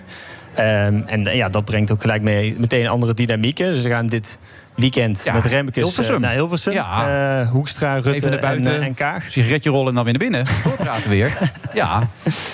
Ja, nee, maar het, het- het is toch zo dat zij heeft toch straks het wisselgeld om te zeggen: ja, ik pak wel mijn verantwoordelijkheid als het echt moet. Dat wisselgeld heeft En als het niet. CDA dat het niet had gedaan, dan zeg je: ja, kijk, dat die, die Bijleveld, hoe serieus kun je dat nemen? Weet je? Maar dat is dan toch een schijnverantwoordelijkheid? Natuurlijk is het een schijnverantwoordelijkheid. Maar het is één grote schijnwereld, Laurens, toch? Of zie ik dat verkeerd?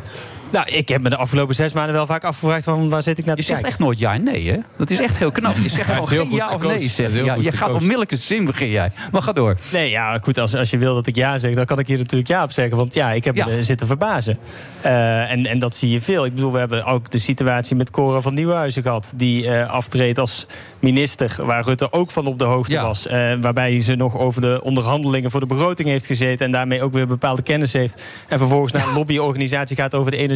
Ja, dan eh, tuurlijk zit ik me weer met eh, verbazing zit ik daarnaar te kijken. En dan is het natuurlijk ook on, Over een ons week als- of twee is iedereen dat ook weer vergeten. Ja, dat is wel- niks beklijft. Nou, eh, in deze is het natuurlijk ook aan ons aan, als Kamer om daar dan ook wat mee te doen.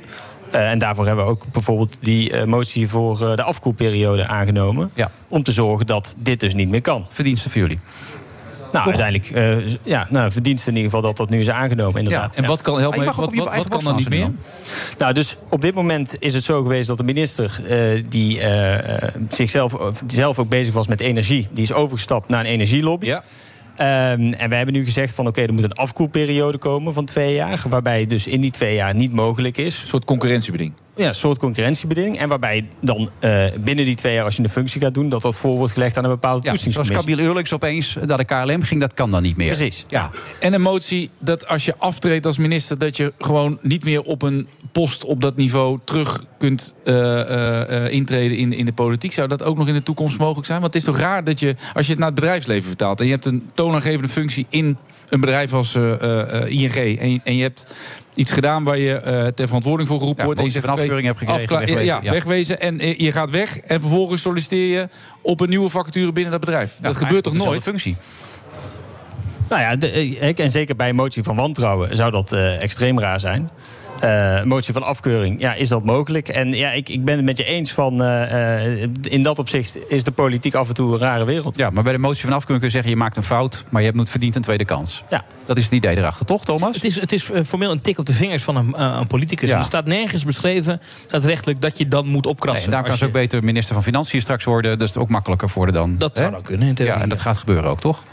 Dat zijn wel dingen die eh, geruchten die har- hardnekkig zijn op het binnenhof. Ja. Dat, eh, dat zij dat eventueel zou worden, omdat het zo is, traditioneel gezien, dat de tweede partij in de formatie, dat zijn zij als ze met de VVD iets samen gaan doen. De VVD is de grootste, die krijgt dan de eerste keus. Hmm. Nou, dat is dan Mark Rutte, minister-president. Tweede keus eh, wordt dan voor D66. En in de geschiedenis zag je vaak dat die partij dan de tweede partij koos voor financiën, omdat dat de op één na belangrijkste post is. Ja, Laurens, je hebt het erg goed gedaan bij de laatste verkiezingen. Zou je willen dat er nieuwe verkiezingen uitgeschreven werden? Nee. Om even met een duidelijk antwoord te beginnen. Ehm, wat ik Hij vind niet... snel, hè, die Laurens. Je merkt, Arjen-Jan Boekenstein, goede invloed. Ga door. Nee, maar ik vind dus niet dat ehm, eh, op het moment dat je er in Den Haag als eh, eh, 150 Kamerleden niet uitkomt, dat je meteen de eh, kiezers als oproepkrachten moet gebruiken om dan maar weer naar de stembus te komen. Want ehm, wat zijn dan eh, de uitslagen en is er dan in één keer een hele andere situatie? Ehm, in mijn optiek niet. En ik vind ook Nou Ja, de, dat... de, de partij Pieter Omtzigt zou, als, eh, hè, als die zo zou komen natuurlijk... Hè, die zou toe gaan slaan dan, toch? Eh, als je de peilingen moet geloven wel. Ja, Eh, maar goed, eh, volgens mij heeft Pieter Omtzigt ook aangegeven... dat hij daar nu nog niet... Hij heeft genoeg aan zichzelf, heb ik de indruk. Nou, dat hij in ieder geval nu weer gewoon bezig is met terugkomen. Ja. Eh, en dat hij deze week ook weer begonnen is. Maar op welk moment zeg jij, dan kunnen we wel gaan nadenken over nieuwe verkiezingen? Op het moment dat we daar nu eh, over gaan spreken, dan, dan, dan ben je eigenlijk al die kant op aan het gaan. Kijk, ze gaan dit weekend gaan ze met Remkes eh, naar, de, naar Hilversum. Ja. En Remkes gaat proberen dan wel een minderheidskabinet eh, te proberen, dan wel een eh, extra parlementaire eh, kabinet. Ehm, kijk, op het moment dat hij ook weer teruggeeft van er is geen oplossing, ja, dan zul je toch ook naar andere opties moeten gaan kijken. En dan komen nieuwe verkiezingen op tafel. Dan zou nieuwe verkiezingen zouden een van die opties zijn. Maar ik vind nu dat we nog niet in die fase zitten dat nieuwe verkiezingen Maar de vraag een wanneer wel? Maar wat zijn, nee, maar dan ben ik benieuwd. Wat zijn dan de andere? Stel Remkes, die, zegt, die heeft ergens tot half oktober, zegt hij zelf. Dan, stel dat hij er echt niet uitkomt en hij stuurt weer een eindverslag naar de Kamer waarin staat: het, het lukt me niet. Eh, wat zijn dan die andere opties? Behalve verkiezingen? Nou, dat, dat zou dan in het eh, verslag van Remkes eh, terug moeten komen... Want wat dan nog de opties zijn. Want Ja. die heeft hij dan onderzocht. Oké, ja. Ja, maar dan kan hij heel goed zeggen, er zijn geen opties meer. Nee, dat, dat zou een we niet kunnen zijn. Ja. Maar goed, eh, ik ga ervan uit dat eh, Remkes eh, dit weekend eh, die drie eh, stevig bij elkaar pakt. En Ja. dat hij gaat zorgen dat eh, het besef moet doorbreken. Dat er Maar als het besef is er nu voor- nog niet is, Laurens, wanneer komt het besef dan wel? Dat is toch onbegrijpelijk als je erover nadenkt? Ja, dat Ik klopt. bedoel, het Ja, zou- ja, maar- het zou- maar dat het heb ik zou ook al snel- vaker aangegeven. Het zou En- snel gepiept zijn, toch, na de verkiezingen Tuurlijk.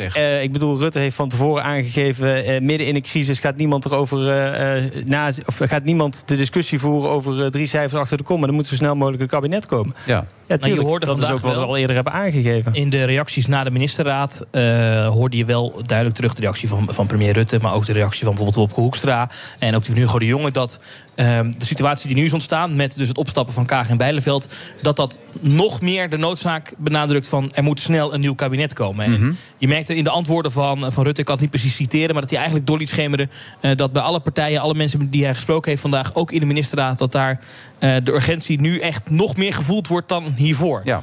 Omdat, en het is een best gekke situatie... we hebben weer twee vakante plekken in het kabinet. En het land moet wel bestuurd worden. En eh, Defensie, daar zaten eerst twee bewindspersonen Nou op. ja, Nou, het een grappige- staatssecretaris en een minister. Bert Wagendorp schrijft vandaag ook in zijn column... we hebben straks een demissionair eh, kabinet met alleen maar nieuwe, le- nieuwe leden. Dat is dat is niet te geloven allemaal Het is natuurlijk. een Ja. bijzondere situatie, ja. Het is toch absurd als je erover nadenkt. Want de heel veel dingen doen we ook niet. Er is 750 miljard eh, in het, eh, euro in het coronafonds. Wij zitten niks te doen. Hè? We kunnen dat geld toch ook eh, eventueel claimen? Nee, ja, absoluut. Er ligt 6 miljard voor eh, Nederland op de plank. Ja. En dat laten wij op dit moment gewoon liggen. En dat is geld wat we kunnen investeren in de klimaattransitie, in digitalisering, in onderwijs. Eh, volgens mij is dat geld hartstikke hard nodig. En het kabinet schuift het maar voor zich uit. Terwijl ook de Tweede Kamer heeft aangegeven. Maak plannen, zodat we die investeringen kunnen gaan doen. Maar dat is toch vrij pijnlijk in Nederland tijd is de enige van alle landen die op dit moment in Europa... die dus nog geen plan heeft ingediend voor dat herstel. Maar waarom niet dan? Waarom niet? Ja, zij zeggen, daar moet, eh, dat is aan het volgende kabinet. Ehm, ja, nee, ja, ik ben het er met je reactie is precies waar het om gaat, eh, en, maar dat is ook heel frustrerend. Omdat Ja. je denkt, ja, er ligt 6 miljard. We hebben dat keihard nodig. Eh, in landen zoals Spanje zijn ze dat aan het investeren in de mobiele laadinfrastructuur voor auto's. Eh, Italië gebruikt het om de, verder te digitaliseren. In Slovenië zijn ze bezig met klimaatadaptatie. De eerste be- uitbetalingen zijn al geweest. Voor landen die dat hebben ingediend, hè, de eerste tranches. Ja, en Nederland heeft nog helemaal niks. Eh, nog geen plan. En ja, dat, dat is iets waar, waar wij ook eh, achteraan zitten. Omdat we vinden, dat geld is er. Laten we dat alsjeblieft gaan gebruiken om dat in te zetten. Ja, jou- jouw woordvoerder heeft ongeveer 28 berichten gestuurd naar onze eindredactrice wat je allemaal wilde vertellen. Wat is nou wat je absoluut nog wil verteld hebben voordat je de tent uitgaat eigenlijk? Waar wil je nog iets over kwijt? Want je, die, die woordvoerder stuurde zoveel. Zei, ja, op een gegeven moment is het niet meer te doen. Dan moeten we Laurens gewoon drie uur geven. Was dat het lijstje van Arend Jan Boekenstein? Dat zou kunnen inderdaad, ja. Het is een punt wat je belangrijk vond, begrijp dit is ook. echt een punt wat ik ontzettend belangrijk vind. Juist omdat ehm, in deze fase waarin we uit een crisis aan het komen zijn... waarin we ook met een wooncrisis te maken hebben, met een klimaatcrisis... Hm? Ja, dan moet je ook durven te gaan investeren. En dat, er zijn heel veel eh, organisaties, eh, gemeentes die aangeven... wij hebben dat geld nodig, we hebben die plannen eh, klaar liggen. Ja, en het kabinet komt dan niet Ja, vooruit. Zolang we geen nieuw kabinet hebben, gaat het dus ook niet gebeuren. De coronapas. Ja, de coronapas. God En de coronapas. Hoe staat het erin? Nou, gisteren is de coronapas aangenomen. Eh, we hebben daar tegen gestemd, omdat we hebben, hebben aangegeven... ehm, wij zijn niet eh, a priori tegen de coronapas... maar hoe het nu onderbouwd is door het kabinet... zonder exit-scenario waarvan de proportionaliteit niet helemaal duidelijk is... eh, hebben wij gezegd, ja, dan kunnen wij dat niet steunen. Nee. Eh, ook omdat er nog andere maatregelen zijn... eh, die eh, mogelijk zijn om die vaccinatiegraad te verhogen. Eh, ja, die moet het kabinet gaan inzetten. Oké, dus als er een duidelijkere exit-strategie zou zijn enzovoort, dan zou je ervoor kunnen zijn. Ja, en dat het duidelijk onderbouwd is van waarom dit dan nu nodig zou zijn. En dat is voor ons niet helemaal duidelijk gebleken eh, in de uitleg van, eh, van de jongen. Het was wel een risico, want het had kunnen gebeuren dat hij morgen helemaal niet aangenomen was. En dan eh, hadden we in de huidige situatie, dat was dan als er een soort van crisis ontstaan. Want had het kabinet iets aangekondigd wat, wat niet uitgevoerd kon worden. Ja, maar dat is dan het probleem van het kabinet. Maar terwijl, jullie wel voor de maar terwijl jullie wel voor de systematiek zijn. Ja, wel wat we belangrijk vinden en wat eh, een van de uitdagingen eh, volgens mij is van het kabinet en wat we de afgelopen anderhalf jaar hebben gezien, is dat er heel vaak hele slechte communicatie is geweest over waarom bepaald beleid wordt gevoerd. En dat is in dit geval ook weer eh, zo Maar gebeurd. kijk, communicatie is een illusie. ja, nee, dat is de kern van het boek van eh, Niels natuurlijk ook. Dus dat is vaak ook helemaal niet weet je. Nou, misschien dat Niels dan ook de komende dagen even mee eh, naar Hilversum moet met eh, eh, Remkes en. eh, Wat gaat het Nou, aan ik, ik hoop in ieder nou wat er volgens mij. ik, ik hoop dat men er wat pragmatischer in gaat staan. Ik bedoel, er is volgens mij zoveel te doen. Eh, Je haalt niet net drie crisissen aan. En er wordt zo lang gedaan over het formeren van een kabinet. Nou, als dat kabinet er dadelijk is, dan wordt, worden een aantal leden van het kabinet weer ter verantwoording geroepen over de besluitvorming in deze crisissen. Dus dan komen we weer in zo'n impasse dat terecht. Hè. Dat, kun- dat kun je nu al in de glazen bol zien. Ja. Ehm, dus ik, ik, mis wat, ik, mis, ik mis heel veel ondernemersgeest in, eh, in de politiek. Dat vind ik echt mega frustrerend. Want volgens mij is er heel veel om aan te pakken. En wordt er veel te veel aan Maar dat is profilering ook bij. VVD en- van jou, hè? voor de duidelijkheid. Net zo. Ja. Eh, ehm, eh, dus ik denk gewoon politiek breed. Dus ja, ik, ik ben wel benieuwd hoe jij. Want ja, volgens mij, je spreekt dan andere taal dan de gemiddelde politicus. Dat vind Maar ik al heel herken, verfrissend. Ik ken, herken helemaal wat je zegt. Van, eh, en, en jij vroeg net van ja, de afgelopen zes maanden. Ik, ik zit me af en toe ook op te vreten. Ja. Eh, dat ik denk, er zijn inderdaad zoveel crisissen, maar er zijn ook zoveel mogelijkheden die je als Nederland hebt. En eh, ja, nou ja, wel misschien leuk om dat dan in ieder geval vandaag ook, of, eh, ook nog even te vertellen. Ik was vandaag eh, in Eindhoven, het Brainport. Ehm, daar zie je bepaalde start-ups, ondernemingen... die bezig zijn om CO2 uit de lucht te halen. Die bezig zijn om een folie te ontwikkelen om stikstof uit de lucht te halen. En die zeggen, ja, de overheid loopt eigenlijk achteraan. Weet je wel, van er wordt geen juiste beleidsvoering gemaakt. Er wordt eigenlijk niet eens goed gekeken wat er eh, nog meer mogelijk is. Eh, Er, wordt, eh, geen, er worden geen investeringen gedaan. Ja, dat soort ondernemingsgeest zou je juist moeten stimuleren. Juist ook in die crisis die we met elkaar aan moeten pakken. Nee, je zou er nog meer moeten. Want volgens mij heeft Marcel Boekhoorn nu verkocht. Ja. Maar niet aan de staat. Niet aan de staat. Maar dat had wel nee, moeten gebeuren. Een Amerikaanse investeerder eh, begreep ik vandaag. Waarvan dan ook weer de vraag is van ja, wat gaat die ermee doen? Ehm, en, oh, ja, dat we- allemaal IP, eh, allemaal mooie innovaties die daar ontwikkeld worden. Die dus nu. Ah, het is ontzettend interessant om te zien hoe ze daar bezig zijn. Want je hebt eh, de grote bedrijven zoals ASML, Philips, eh, die daar eh, zitten. Maar je hebt daar dus een heel ecosysteem Ja. van bedrijven. Die allemaal samenwerken met de TU, met TNO. Eh, met allemaal kleine start-ups du- die dus in die waardeketen zitten. Ja. Ja, dat ik hoor echt- het al. Als, als ik dat hoor, dan, dan denk ik echt van... dit is echt uniek. En dan hebt over ook. Ja, dus nu in buitenlandse handen. Hè? Ja. Ja, maar ik hoorde al, als er een extra parlementair kabinet komt... waar eh, Remkes toch wel een beetje warm voor is... dan mogen allerlei fracties in de Kamer eh, wellicht een bewindspersoon leveren. Dan zit hier de nieuwe minister of staatssecretaris van Economische Zaken. Nee, dat ga ik eh, eh, niet doen. Eh, ik denk dat er betere mensen zijn die dat dan eh zouden Het is dat je zo direct nee of ja, zei. Ik schrik helemaal van je, Laurens. Het is voor de eerste keer dat het boem, het kwam er zo uitzeggen. Maar ga door, nee dus. Nee, ik denk dat er mensen zijn die dat beter zouden eh, eh, kunnen doen. Ehm, en, eh, ja. Waar ligt jouw ambitie wel dan? Mijn ambitie is nu om te zorgen dat eh, we vanuit de Kamer met Volt eh, fatsoenlijke volksvertegenwoordigers zijn die aan de ene kant het kabinet controleren. En aan de andere kant zorgen dat we met ideeën aankomen. Om te zorgen dat, dat de ondernemerschap waar jij het over hebt, dat dat in die politiek ook wel terugkomt. En eh, dat zie je in heel veel. Eh, jonge mensen in de Kamer zie je dat ook. Hè? Want het is niet zo dat het alleen maar kommer en kwel is in die Kamer. Want ik zie ook Kamerleden zoals Rob Jetten, Sophie Hermans... die dat document op hoofdlijnen met elkaar schrijven. Kati Piri, eh, Dirk Boswijk, die zich echt keihard hebben ingezet... eh, voor die Afghanistan-crisis. Dus het is niet alleen maar kommer en kwel. Alleen ik denk wel dat we de, ja, misschien de jongere generaties... wat vaker in die partijen naar boven moeten zien Maar het komen. meest populaire Kamerlid, de naam viel net even, Pieter Omtzigt... maakte niet hele stabiele indruk gisteravond bij Nieuwsuur. Bij Marielle Tweebeke. Ik vind dat moeilijk te beoordelen. Ik ben geen, eh, geen arts of psycholoog. Die vraag wordt heel vaak gesteld. Ja, wel, er zat steeds weer zoveel emotie bij. En, Ja. En, Nou ja, hij geeft aan dat hij rustig wil beginnen. Eh, hij vraagt ook eh, aan Ja, van de jullie waren om schandalig bezig. Jullie hebben hem belaagd. Ja, dat vond, dat hij nou dan, niet. dat vond hij niet mooi. Ja, Het is niet de bedoeling van een politicus dat Nee, hij belaagd maar hij wordt. ging wel zelf bij Nieuwsuur zitten. Ja, daarna Eh, wel, ja. Maar eh, ja, eh, eh, hij, eh, hij gaat, gaat er rustig in. Maar ja, eh, Laurens weet, het is een nogal een pittige baan, eh, Tweede Kamerlid. Hoeveel uur de week werk je? Ja, veel. het is een pittige baan. Ehm, eh, maar het is ook een, eh, een baan waarvan ik denk dat als je verkozen bent... je er het maximale uit moet halen. Ja. Ehm, want het is ook een unieke baan. En eh, volgens mij moeten we ons dat allemaal beseffen daar in die Kamer. Nou, dat zijn mooie laatste woorden. Is je woordvoerder tevreden, denk je? Ik heb geen idee. Ik hoop namelijk dat hij gewoon eh, op het terras een biertje aan het drinken is. Ja, maar... Nou, Arend Jan luistert, zitten hoor. luisteren, toch? Ja, die heeft Ja. een aantekeningenboekje zo meteen. Hey, waar zit jij vanavond? Zit je bij ons of zit je bij op één? Of Weet ik niet. Nee? Weet ik niet. Je agenda kijken zo. Ja, even kijken. Maar je zit wel ergens, of niet? Nee? Nee, nee. Oh, oh gek. Ja. Gaat wel goed? Ja, ja, gaat heel goed. Ja. Oh, Oké. Dat is echt een gemene vraag voor jou, zeg. Goed, hier was Thomas. Nee, ik Thomas, talent, hè? Vind je niet talent? Groot talent. Nee, dat is de reden dat hij ook overal zit, waarschijnlijk. Ja, dat is de reden ook, ja. Ja, maar hij maakt daar gemene grappen over. Maar je moet net als Pieter Omtzigt, moet je ze nu even oppassen. Moet je jezelf eh, in acht nemen laten. Ja, en dit weekend moeten we naar, Heel- naar Hilversum natuurlijk. Daar bij dat huis voor de deur gaan staan. Ja. En, en dit zegt overigens de man met de drugsbezette agenda van heel dat valt best mee. Nederland, denk ik. Ik heb morgen van uur vrij. Jongens, bedankt. Tot zo. De Friday Business Booster. Hey ondernemer, KPN heeft nu Business Boosters. Deals die jouw bedrijf echt vooruit helpen. Zoals nu, zakelijk tv en internet, inclusief narrowcasting... de eerste 9 maanden voor maar 30 euro per maand. Beleef het EK samen met je klanten in de hoogste kwaliteit. Kijk op kpn.com slash businessbooster. Business Booster. De Friday Move wordt mede mogelijk gemaakt door Droomparken en TUI. Discover your smile.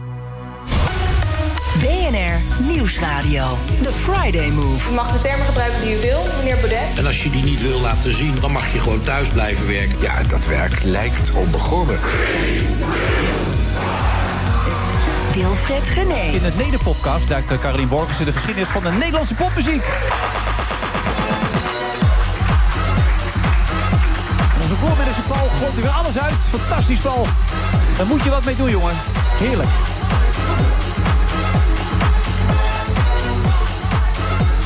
Ja, zijn vrouw staat erbij en is je altijd net iets enthousiaster. Dat krijg je dan hè, in deze uitzending. Niels, gaat het nog een beetje? Het gaat eh, meer dan prima. Ik vind het onwijs leuk. Gaat snel, hè?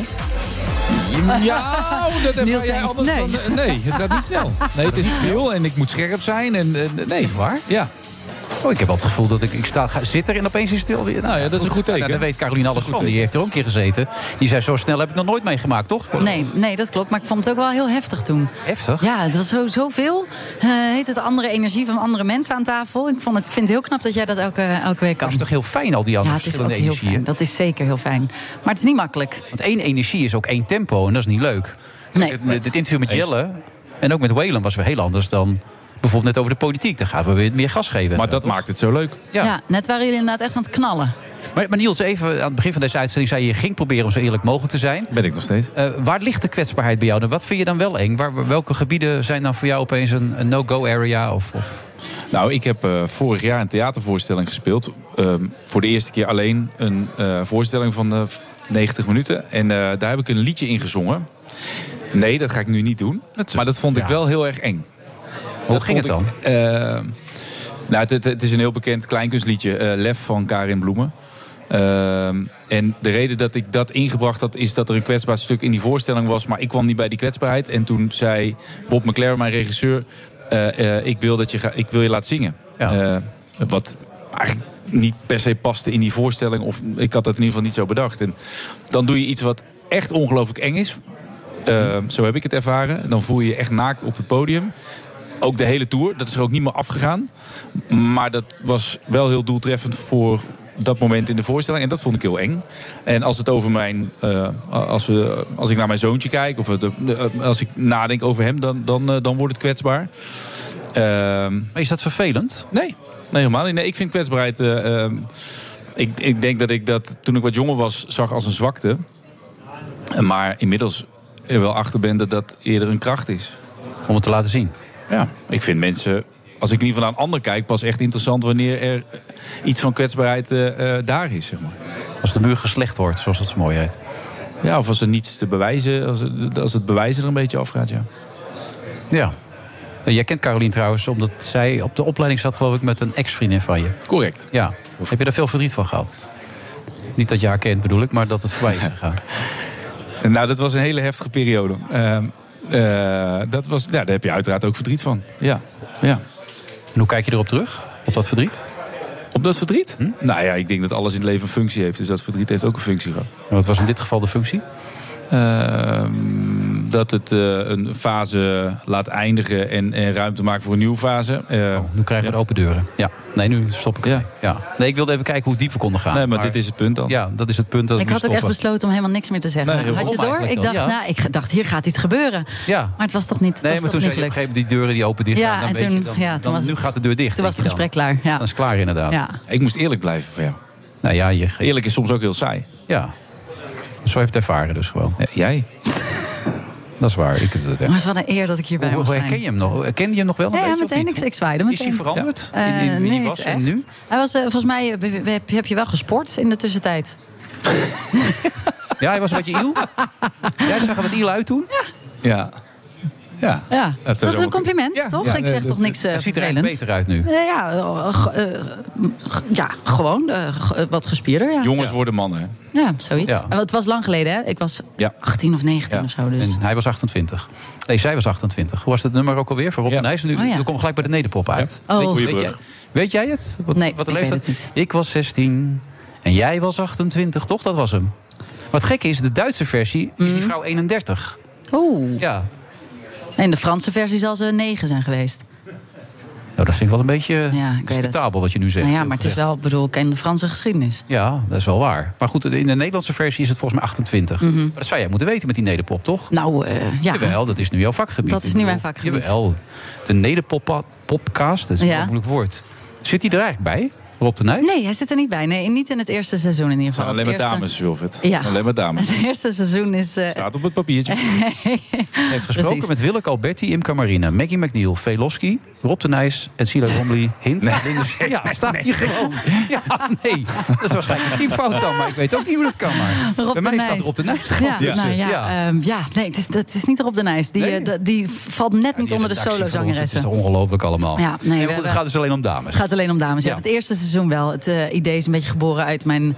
Hè, waar ik vorige, vorig jaar hier om zat. eh, werk bij Muziekcafé. Ja. Het presenteren Dat van dat programma. over. Dat heb ik overgenomen, ja. Hoe bevalt dat eigenlijk? Hartstikke leuk. Ja? Ja. En waar komt dat door dat het zo lekker bevalt? Nou, het is, eh, er is niks leuker, dat weet jij ook, dan, eh, dan met mensen praten over dingen die ze leuk vinden of waar ze goed in zijn. Ja. En in het geval van eh muziekcafés, dat met artiesten die met een nieuw album komen. Morgen komt Diggy Dex langs, die zijn nieuwe album Diggy Dex, die, spelen. vind ik- die heb ik zoveel Nou, gedraaid de afgelopen periode. Dat is echt heel mooi. Ja. En de drie J's komen langs. En, eh, nou, dat, het, goed, ik ben nu reclame maken aan, aan het maken voor mijn eigen programma. Dat is Ja, volgens dat mij niet de op bedoeling. zender. Tuurlijk, alles is hier mogelijk. BNR, hè? de vrijplaats van de muziek. Oh nee, dat is Veronica. Dat is wat ik in de ochtend weet. Ik haal alles door elkaar. hier. Ach, het is ook vrijdagavond. Daar had je En Rob de Nijs ook vanochtend waarschijnlijk. Oh, daar had ik Dat hem is op het, de Nijs. dat Nu weet ik het. weer. Eh, Ik was het 16 idee is in ieder geval geboren 28. bij het muziekcafé eh, om eh mensen te verdiepen. Nou, meer te verdiepen nog in de nederpop. En eh, eh, daar eh, een podcast over te maken. En toen kwam ik samen met een hele, heel leuke redacteur, die heet Tim Treffers. En die zei, ik wilde eigenlijk een podcast maken over meidengroep in de jaren tachtig. De Frizzle Sizzle en Centerfold. En Dolly dat leek me... De, de Dolly Dots, ja. Nee, gewoon, eh, ik dacht, daar ga ik dan helemaal induiken. Ga ik er alles over te weten komen. Ga ik, die, ga ik ze allemaal spreken. Ehm, en toen zei Tim, ja, ik wil dat, ik, dat lijkt me ook leuk. Maar ik wil ook wel solozangeressen. Wil ik me ook eh, op focussen. Kijken, hè, in die nederpop, welk, wie zijn nou de zangeressen die daar groot in zijn geworden. Eh, moeten we daar niet wat meer aandacht op, op vestigen? En toen dachten we, nou doen we dat als eerste seizoen. En dan misschien als tweede seizoen die meidengroepen. Ja, en daarna Rob de Nijs. En dan seizoen. denk ik dat ik wel drie seizoenen aan Rob de Nijs ga wijden. Ja, op zich terecht. Wat, wat hebben die vrouwen gemeen? Wat is er iets, een band tussen die vrouwen te ontdekken? Of zeg je nou, willekeur gewoon? Ik, nou, ze zijn, het, ze zijn, ik heb ze gekozen uit alle generaties. Dus ik, eh, ze, ze gaan van 60 jaar terug Alberti, tot nu. Precies, Marine, Willeke Alberti. McNeil, Rob de Nijs, Velosky. Ze staan er allemaal bij inderdaad, ja. ja. Eh, Linde Schöne, De Visser. Dus het Ja. zijn ook eh, vrij eh, vrouwen die recent eh, pas zijn begonnen aan hun carrières. En wat jonger zijn ook. Dus wat ze eigenlijk met elkaar gemeen hebben... is dat ze hun leven vullen met dit vak. Dat ze niet eens iets ernaast doen, maar dat ze dit is wat ze zijn. Ze zijn solozangeres Ja. in Nederland. Ook in coronatijd. In coronatijd, ja. Ook. Ja, ook ja. Wat wilde je weten vooraf? Wat is de reden dat je deze podcast wilde maken? Ehm, ik wilde eigenlijk zien of dat landschap, dat muzikale landschap, heel erg veranderd is in de afgelopen 60 jaar. En dan niet alleen op het gebied van. eh, natuurlijk heeft de feministische golf heeft daar iets aan veranderd. Dat er voor vrouwen veel meer mogelijk is.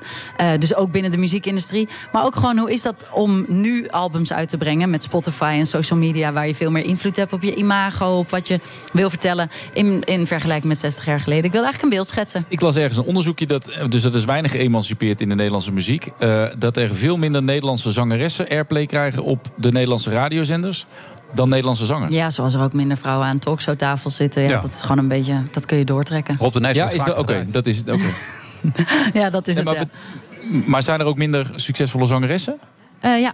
Oké. ja, het zijn ook, ja, als je ze minder vaak draait, worden ze ook minder Worden ze, worden ze succesvol. minder succesvol? Het- werkt dus wel zo. Het heeft niets met de kwaliteit te maken, zeg jij. Wat denk jij? minder gedraaid wordt. Ik vraag het aan jou. Nee, ja, dat, nee, absoluut nee? niet. Absoluut Nee. niet. Nee. Linde Schöne zegt ook dat je sterk in je schoenen moet staan om in de muziekwereld te overleven. Mhm. Maar dat moet je toch in elke wereld? Of? Zeker, maar ik denk dat de muziekindustrie dat wel eh, extreem veel van je vraagt. Kijk, je, je leven speelt zich natuurlijk als je, als je muzikant of artiest bent, ook voor een groot deel voor die lens van het, eh, voor het publiek, voor het oog van het publiek af. Ja. En dat is eh, wel iets anders als je accountant bent of, of in, een, in een vak zit waar dat niet van je geëist wordt. Ik denk wel dat, het, dat alle vakken natuurlijk er Ja, zit iets zwaar je moet ervoor maar... durven kiezen. Kiezen is een moeizaam proces, omdat jij vecht tegen de visie van anderen over jezelf. Die vind ik heel eh, diep. Ja. Wil je die nog één keer? Die, die kwam uit een, een biografie van jou, eh, althans Ja, zo'n dat- ik aankondiging vind het zo mooi. En nog een keer. Ja. Ja. Ik heb al die biografie zelf niet geschreven. Kiezen is een moeizaam proces, omdat je vecht tegen de visie van anderen over jezelf. Weet je van wie dat is? Jean-Paul Sartre. Dat, dat kwam ik tegen van die beschrijvingen van jou. Ik zo, die ik, eh, ik echt ga even opzoeken wie dit, eh, allen. wie Dat- dit, eh, Dat heeft iemand voor jou geschreven dat- waarschijnlijk. ongetwijfeld. Maar het kwam er een beetje op neer dat, dat jij dat ook... eh, bewustzijn, daar gaat het eigenlijk een Nou, beetje dat, eh, fijn dat iemand mij dit toedicht. Trek je dat trouwens aan, eh, dat, dat mensen van jou vinden? Ja, eh, steeds minder, maar dat doe je nog steeds. In ons vak doe je dat altijd. Eh, Dat doe je überhaupt, denk ik, als mens. Ehm, Maar als je op een bühne staat eh, voor een publiek... maar ik laat mijn geluk of mijn succes of me, eh, er minder van afhangen. Eh, Dus ik voel wel mee wat Welen eh, in deze uitzending zei. Weet je, ik maak wat ik wil maken. Mhm. eh, los van wat iemand anders daarvan vindt. Daar ben ik nog niet overigens. Maar daar kom ik wel. Ik kom wel steeds meer op dat punt. Ja, maar we leven in een tijd waarin het gemak groot is om mensen te bestoken op allerlei manieren. Waardoor de kritiek vaak veel groter en heftiger lijkt te zijn. Nou, jij hebt daar veel ervaring mee. Ik kan dat niet. Meer dan wij. Ja, dat is Daar hebben wij weinig last van. Dus hoe vertel eens, hoe is dat? Ja, hoe is dat eigenlijk? Ja. En probeer even die kwetsbaarheid op Ja, te zoeken. Ja. Ehm, hoe dat is.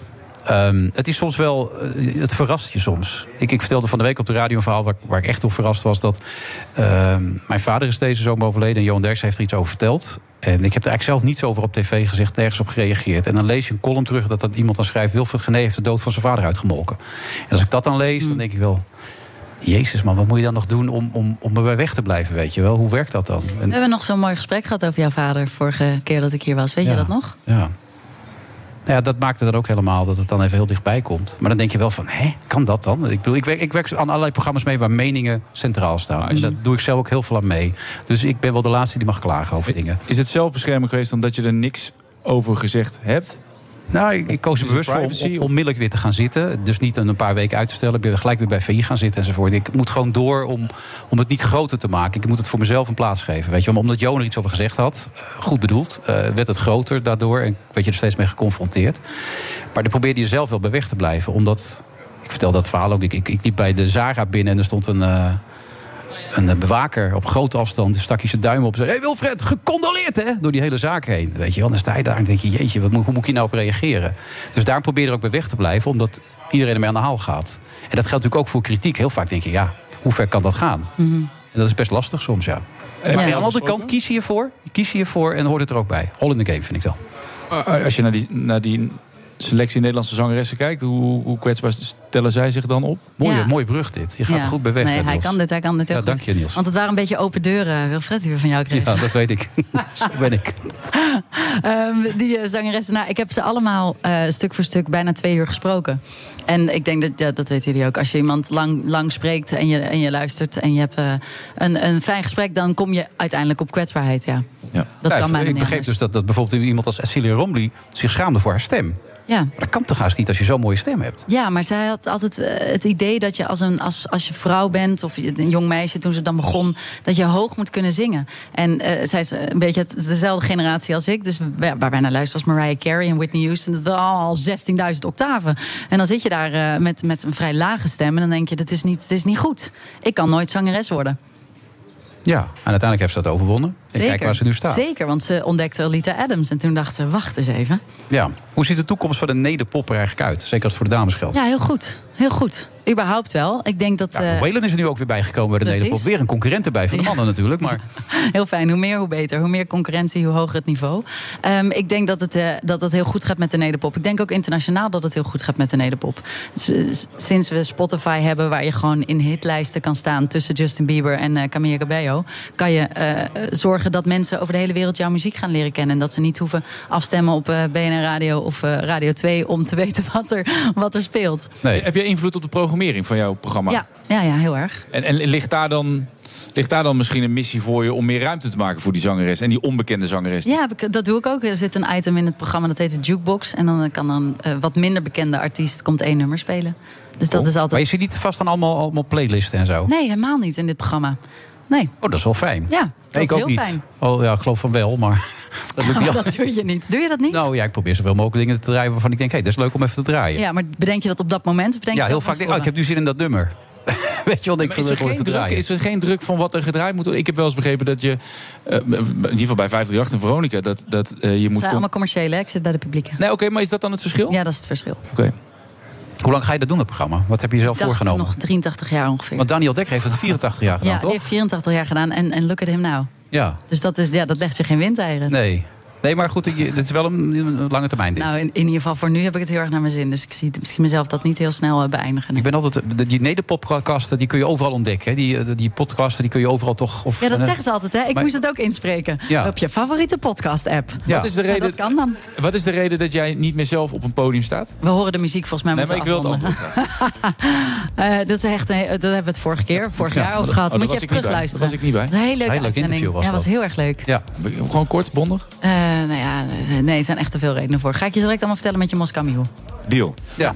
De Nederpodcast. En, en hoe zit het met jou met podia? Ga je dus vooral achter de schermen nu veel dingen doen? Maar ik vind allebei... Binnenkort iets met Hans Klok, begrijp ik. Zeker. Hier. Een nieuw theater in Amsterdam. 26 september in de première. In eh, de Harbor Club Theater. Ja. dat wordt heel gaaf.